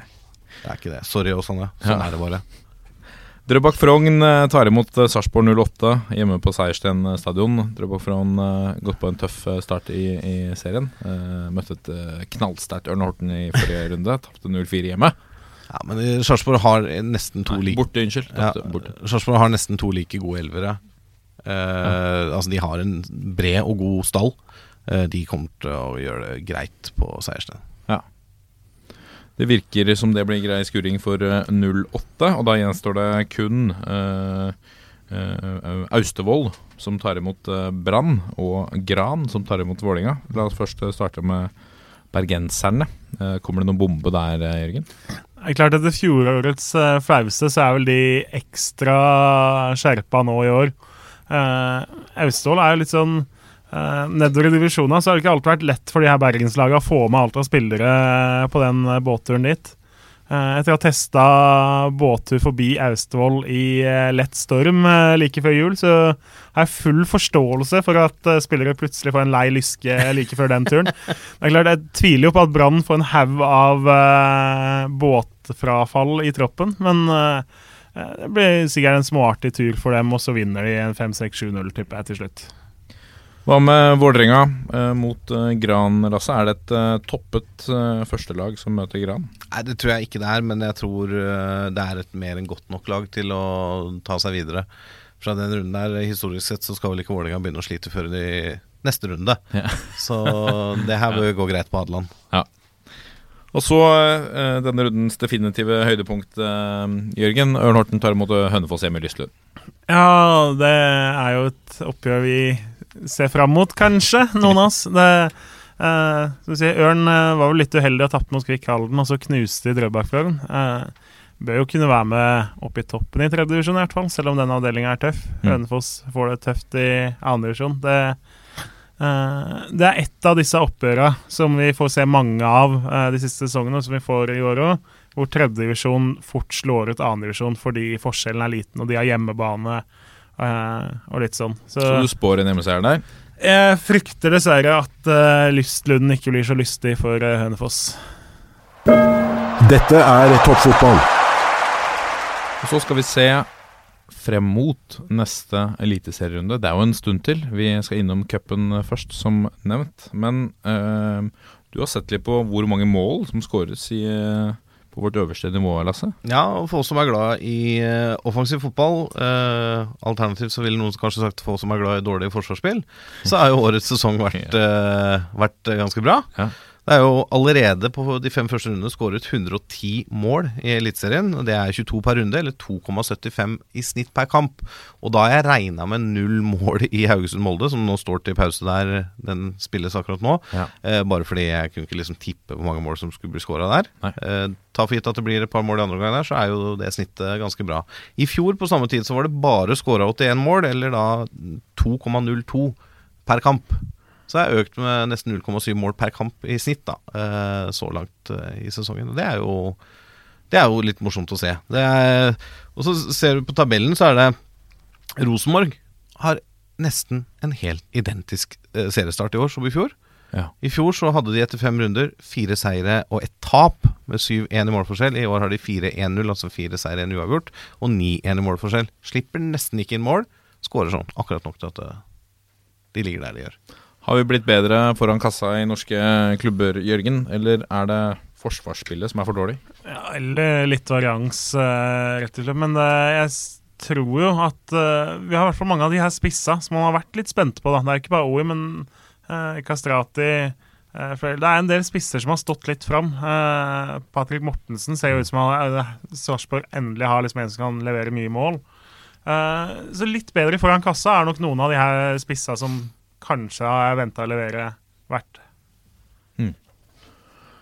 Vi skal rett og slett gå gjennom eh, kampene, Lasse. La oss begynne med Brann eh, Viking. Eh, en sterk Jeg var på Åråsen, så Lillestrøm Brann. Eh, en tålmodig første gang av, av Brann, for så vidt. Hvor de stanger litt mot Lillestrøm, og så skårer de på sine to første målsjanser. Og da er Lillestrøm ferdig. Ja, Vi var jo så vidt innom det i cuprunden. Lillestrøm mista det der. Men altså, Brann er veldig solide hjemme på Brann De stadion. ser veldig sterke ut. De Altså. igjen, i år igjen, kjempesterke hjemme på hjemmebane. Viking fikk seg en etterlengta opptur nå sist. Eh, men det er ikke lett å reise til Bergen uansett. Og i Bergen så har de god selvtillit nå. Torgeir Børven begynner å ligne på den Torgeir Børven som herja for Odd og delvis for Vålerenga en periode. Eh, Daniel Bråten er jo skikkelig funnet på på-knappen i år. Absolutt. Det er jo gøy at han eh, lirker fram den fra tid til annen, for de som er glad i Brann. Eh, og de, er, de står solid defensivt, og de er, som du nevner, de er tålmodige i spillet sitt. De spiller spillet sitt, de prøver å male i stykker motstanderen, og lykkes ofte med det. Jeg tror at Viking eh, fortsatt, uh, da etter den runden her, står med tre poeng. Jeg tror ikke de, tror ikke de får med seg noe hjem fra Bergen. Jeg tror Brann vinner den her. De har- Jeg tror ikke det blir storseier, men 2-0, 2-1-0. har vært eh, sterke i det siste, da, Viking. Nå har de jo eh, Ja, de var gode mot. Rosenborg. Ja, de var Ja. jo best, vil noen si, Ja, mot de. Rosenborg. Og så slakta de jo Odd i forrige runde, Ja. som kanskje ikke er noen målestokk akkurat nå. Nei, Men, eh, og så har du jo Adegbenro, som er Ja, kom, Eh, endelig kommet i gang. fantastisk spiller, rett og slett. altså Eh, Så det er, de har noe X-faktor i det laget, og nå har de fått litt selvtillit. Så det er liksom den lille usikkerheten. Men jeg tror Brann på Brann stadion, så god de har vært der i siste, det blir, det blir for tøft for Viking, tror jeg, da. Men jeg har tatt feil før, Ja. Vi sa han og var helt enig. Ikke sant? Strømsgodset eh, slo Sandefjord i forrige runde, og da begynte Tokmak NGN å snakke om seriegull. Eh, og nå skal de til Kristiansund. Eh, er det en transportetappe med, med seier til drammenserne der? Jeg tror ikke det. Nei. Jeg, jeg tror, altså Ble du overbevist av, av eh, kampen mot Sandefjord? Nei, det ble jeg ikke. Eh, og Strømsgodset har ikke overbevist meg i år. Nei. Jeg syns de har virka ja, Kanskje bortsett fra tidvis mot Haugesund etter de egentlig burde hatt Markus Pedersen utvist, så, så syns jeg ikke de har prestert særlig godt i år, egentlig. Eh, og ja, du kan godt si at eh, det er greit Det er fint å slå Sandefjord 1-0 og alt sånt, men Sandefjord eh, kunne like gjerne raska med seg et poeng der, fra den kampen, de. Eh, jeg syns ikke Strømsgodset ser ut som noe gullag, i hvert fall. Kristiansund er tabelljumbo eh, for øyeblikket, Jørgen. Eh, to tap eh, på rad nå. Kan de ta godset hjemme? Ja, jeg tror det her ble en ganske målfattig kamp med Godset som svak eh, favoritt der. Eh, det er klart, begge de her nyopprykka, så man var jo veldig skeptisk til hva Sandefjord skrevet på topp, og så har Kastrati levert der.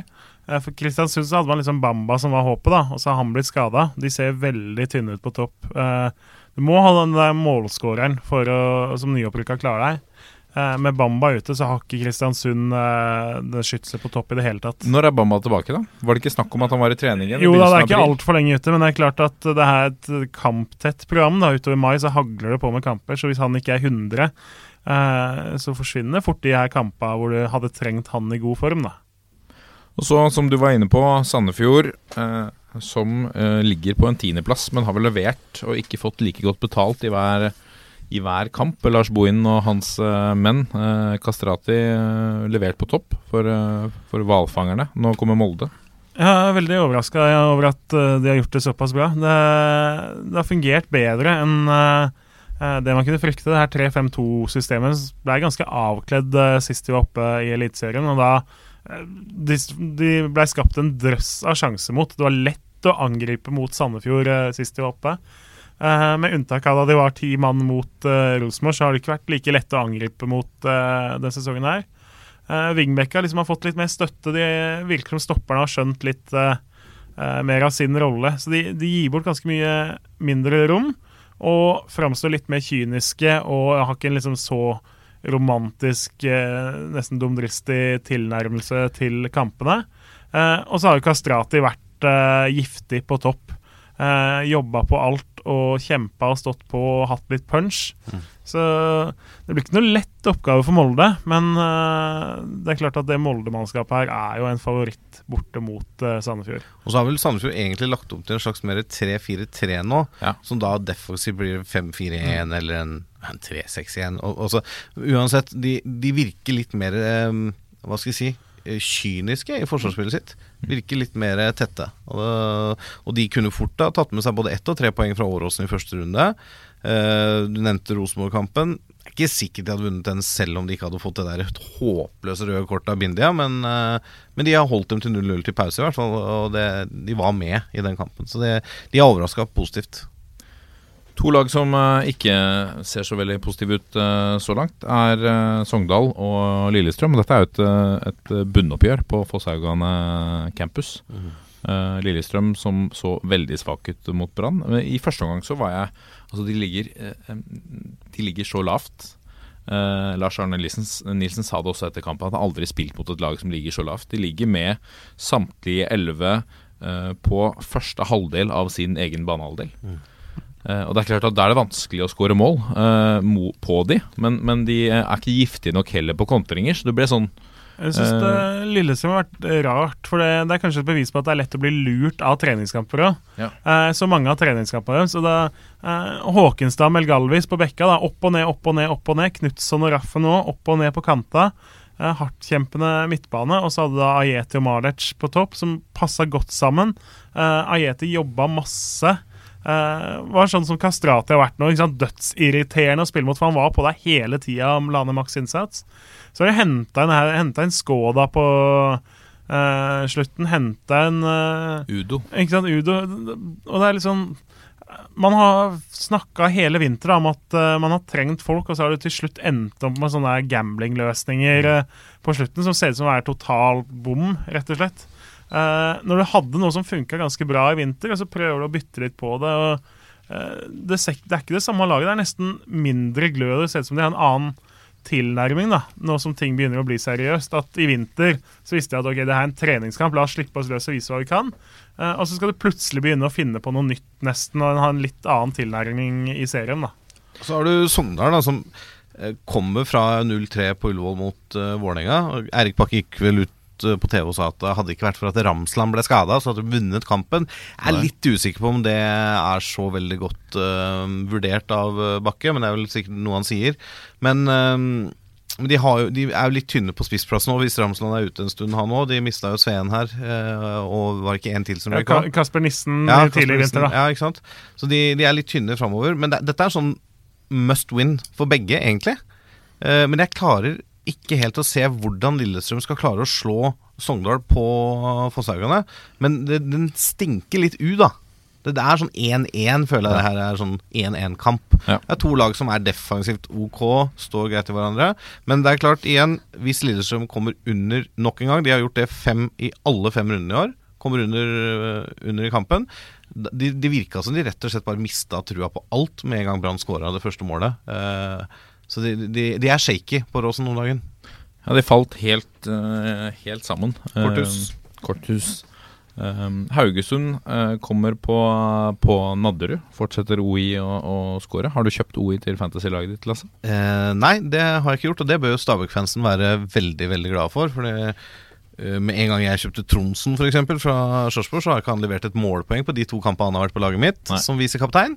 Uh, så nå ja, jeg får vel kjøpe OI, jeg, da, som, så vi får Stabæk litt ned på bakken igjen. Ja, ikke sant? Neida, men uh, OI har jo, bortsett fra at han nå fikk et mål eh, i Tromsø, så har han jo seks av syv mål på Nadderud. Uh, de er, de er kilende å møte, rett og slett. Uh, virker det som. Og, de, og nå, nå er Stabæk et lag som har, nesten går på vannet. Spådd nord og ned, Ja, ikke sant. ja, ja. Fått sikkert jobbe i det stille. Eh, fått satt relasjonene. Har trua på det den driver med. Har en bra trener. Eh, og og de, det ser ut som en gjeng som virkelig koser seg med fotballen. Ja, det, det gjør det. det. De virker som de flyter i eh, De har den medgangen her som De har medgang, og når du har, har, har den spiss du vet scorer på alt så lenge han får ballen innafor fem meter, Yes, innenfor fem meter. eh, så, så er jo det helt uh, fantastisk å spille fotball. Og da, uh, så Stabæk blir en tøff nøtt å knekke for uh, Haugesund eh, på Nadderud, altså.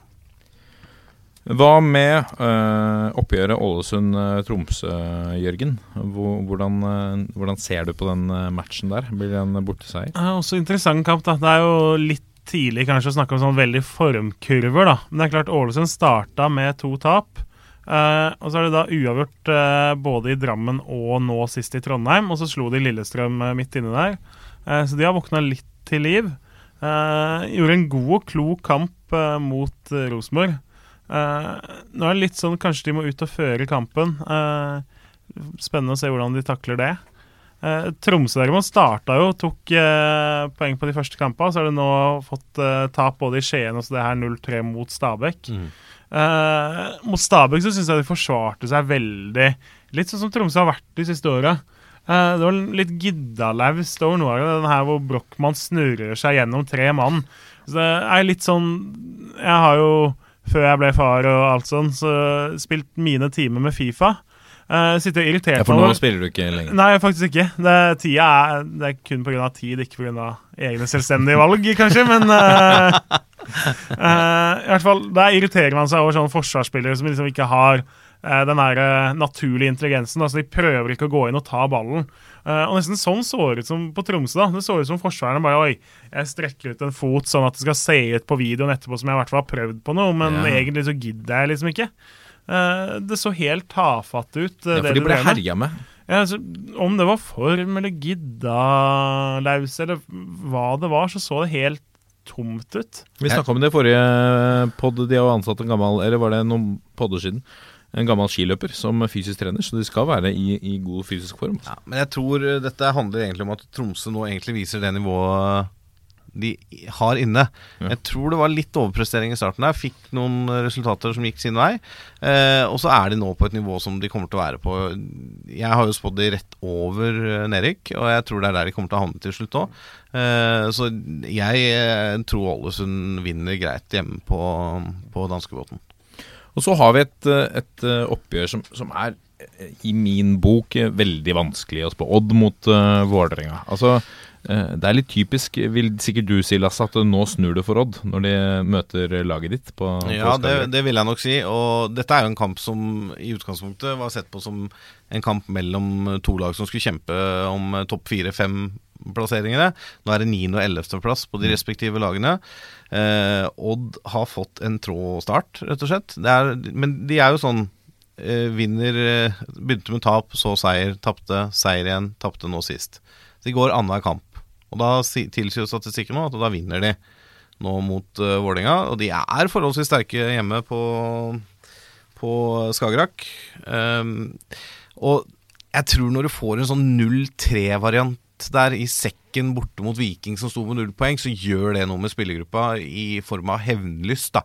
Eh, Hvis du er litt, uh, litt eh, stolthet igjen i den eh, troppen her, som det bør være, så kommer det Odd-laget til å se helt annerledes ut hjemme på kunstgresset. Um, men men Vålerenga har de siste åra hatt noen gode resultater i Skien. De har fått det til der nede. Eh, Odd kommer ikke til å legge seg bakpå og liksom bare vente på Vålerenga. Odd kommer til å spille sitt spill og prøve å angripe. Det kan gi litt rom for Vålerenga, som kan gjøre denne kampen eh, forholdsvis eh, spennende, tror jeg. da altså, jeg- Vålerenga har alle muligheter her, men eh, i, eh, i oddstippernes bok så er nok eh, Odd en eh, favoritt. Jeg syns det er litt rart da, at Odd eh, Nå sist så spilte Våge Nilsen kant, Oliver Berg har spilt kant. Altså, eh, mange pekte på det. Hvorfor henter ikke de inn en kant som liksom høy klasse, gambler litt og sikter litt høyt der? da Pape Pate Dioff inn eh, i vinter var ikke veldig kreativt. Og så må du ende opp med å bruke bekker og midtbanespillere på kant da isteden. Odd, da, godt fundament, burde vært en gullkandidat i år. Eh, vært litt feige. Og så har vi rundens eh, toppkamp. Ja, hvem ville trodd? Sarpsborg 08 mot uh, Rosenborg. Vi trodde Altså- vel at Sarpsborg skulle være litt oppi der, men så langt oppe. Ja, Ikke på medaljeplass kanskje etter fem nei. matcher, jeg vet ikke. Men, men uh, det er nå én ting, men de har jo sett uh, bunnsolide ut. Eh, bortsett fra det ene, det ene tapet. Men, men eh, Og fantastiske 14, eh, 14 skårede mål på fem matcher på Sarpsborg 08. Det er sterkt. De har fått det til å svinge på, på topp der også. Jonas Lindberg og, og Patrick Mortensen. Og Anders Tronsen også levert. Ja, foten hans Ja, er jo fire assist. Ja, den er fantastisk. Men det er sånn Den kampen her uh, har et par elementer som gjør at jeg uh, sikter meg inn på en Rosenborg-seier. Uh, nummer én er at Odd får en storseier i forrige kamp. Og så er det noe med den statistikken når du vinner med mer enn fire mål, eller hva det er, så er det sjelden du vinner neste. Ja, Sarpsborg. Sarsborg Sarpsborg, ja. Ja, Se her. Eh, nummer to er de to begredelige kampene trønderne har hatt i det siste. Én, den seieren de fikk mot Viking, som de har fortjent Men dette sa du i forrige uke òg. jo, jo, jo. Etter Ja, men jeg trodde jo det da, at det Ja. skulle skje. Men nå kommer det enda en kamp, og det er nå hjemme på Lerkendal foran 17 000. Så Mai, nei, eh, Pål André Helland gikk av banen der og kalte det kvinnelig kjønnsorganbane og kvinnelige kjønnsorganspillere og ikke måte på, på TV selvfølgelig. da, De filma han jo og la det ut. Eh, de var nok en gang forbanna. Eh, og til slutt, med en så god stall, et så godt lag og et så godt fundament, så vil det snu for Rosenborg. Og det her er nå en toppkamp som betyr noe. Og eh, altså Vinner Sarpsborg, så er de forbi, og det, det vil ikke Rosenborg ha noe av. Så Nei, nå, fordi- nei. ja, ja. Jørgen? Jeg syns jo det som er litt Rosenborg så langt, er jo at eh, litt det samme som man så i fjor, at eh, jeg syns mye av det de skaper, det er på individuell kvalitet, og ikke på det her eh, typisk rosenborgske maskineriet som maler på. De her tre på topp skaper en god del. Både Helland og Jevtovic. Bakenga kommer til mye sjanser når han kommer inn. Bentene står jo der og Og legger igjen. og, ikke sant? Eh, men det er ikke liksom det her Rosenborg-maskineriet som bare tøffer videre og maler et stykke i lagene, selv om de har vunnet noen kamper bare på uh, innsats og individuell kvalitet. da. Uh, det blir høyinteressant å se, og det her er jo kanskje største kampen liksom Sarpsborg uh, har vært med på nå. Ikke sant? Vinner de og Rosenborg, Det er fortsatt 24 kamper igjen, men da har de slått Rosenborg her på topp. Eh, den starten da, da koker det virkelig nedi der. Tilskuerrekorden i Sarpsborg er 5132, tror jeg det er. De har allerede solgt 5200 billetter. Ja. Det blir publikumsrekord. Det blir en festaften på mandag. Den kampen gleder jeg meg virkelig til. Ja, jeg også. Det, Og det er 1. mai, vet du. Det er fri. Jeg bare Ja, reise og se. Reise og se. Kom dere på stadion, folkens. Ja. Trenger å fylle norske eliteseriearenaer igjen. Det nærmer seg, nærmer seg fullt på Sarpsborg stadion, så bestill billetter. Eh, ellers er det bare å, å, å løpe til, eh, til banene.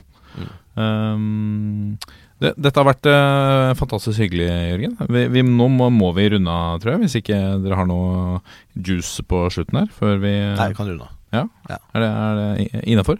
Jørgen Kjernås, tusen, eh, tusen takk for at Jo. du eh, kom. Tusen takk selv. Alltid trivelig. Ja, og det er ikke så lenge siden eh, Så lenge siden. Det er ikke så lenge til vi ser deg igjen. Nei, jeg gleder meg til det òg. Ja. Så det På mer eller mindre fast mer eller mindre fast basis. Det er klart, nå har jeg vel eh, formidla deler av familien gjennom denne podden, skjønte jeg at eh, vi øker familien, så Å ja, har jeg? Ja, du har Ja, det- formidla det tidligere. Så du Å ja, det, Ja, det så Stemmer det. det, eh, det er jo klart at eh, med to barn og et par jobber og helst noen timer søvn i løpet av døgnet utover høsten, da, så får vi se. Men det, vi må få skvisa inn da. Og, og fram, fram til det så er vi tilbake fra om en måneds tid. Ah, fantastisk. Det gleder vi oss til, eh, Lasse. Det blir veldig bra. Uh, alltid deilig å ha deg eh, med meg også. Det er alltid deilig å være her sammen med deg. Tusen hjertelig takk for det.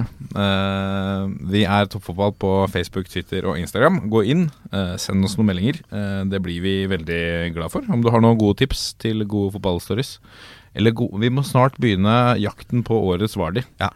Det er, folk kan bare begynne å forberede seg og Ja. begynne å sende inn forslag. Sende inn forslag Vi tar imot med åpne armer og følger tett. Jeg har sett at Jokke Hansen allerede har levert to kasser for Han har skåra allerede. Yes. Det er bra. Så Kommer de Jokke. er i gang. Så hadde vel han eh, Mats Færseth som, eh, fra Telemarksområdet. Ja. Eh, Porsche har jo lett etter spiss nå før sesongen uten å finne. Han var en av de som de vurderte eh, da. Se det. Eh, så det kan jo hende at de også er faste lyttere her. Det må du regne med. Vi må runde av eh, på samme måte som vi gjør, selv om ikke Håvard er her.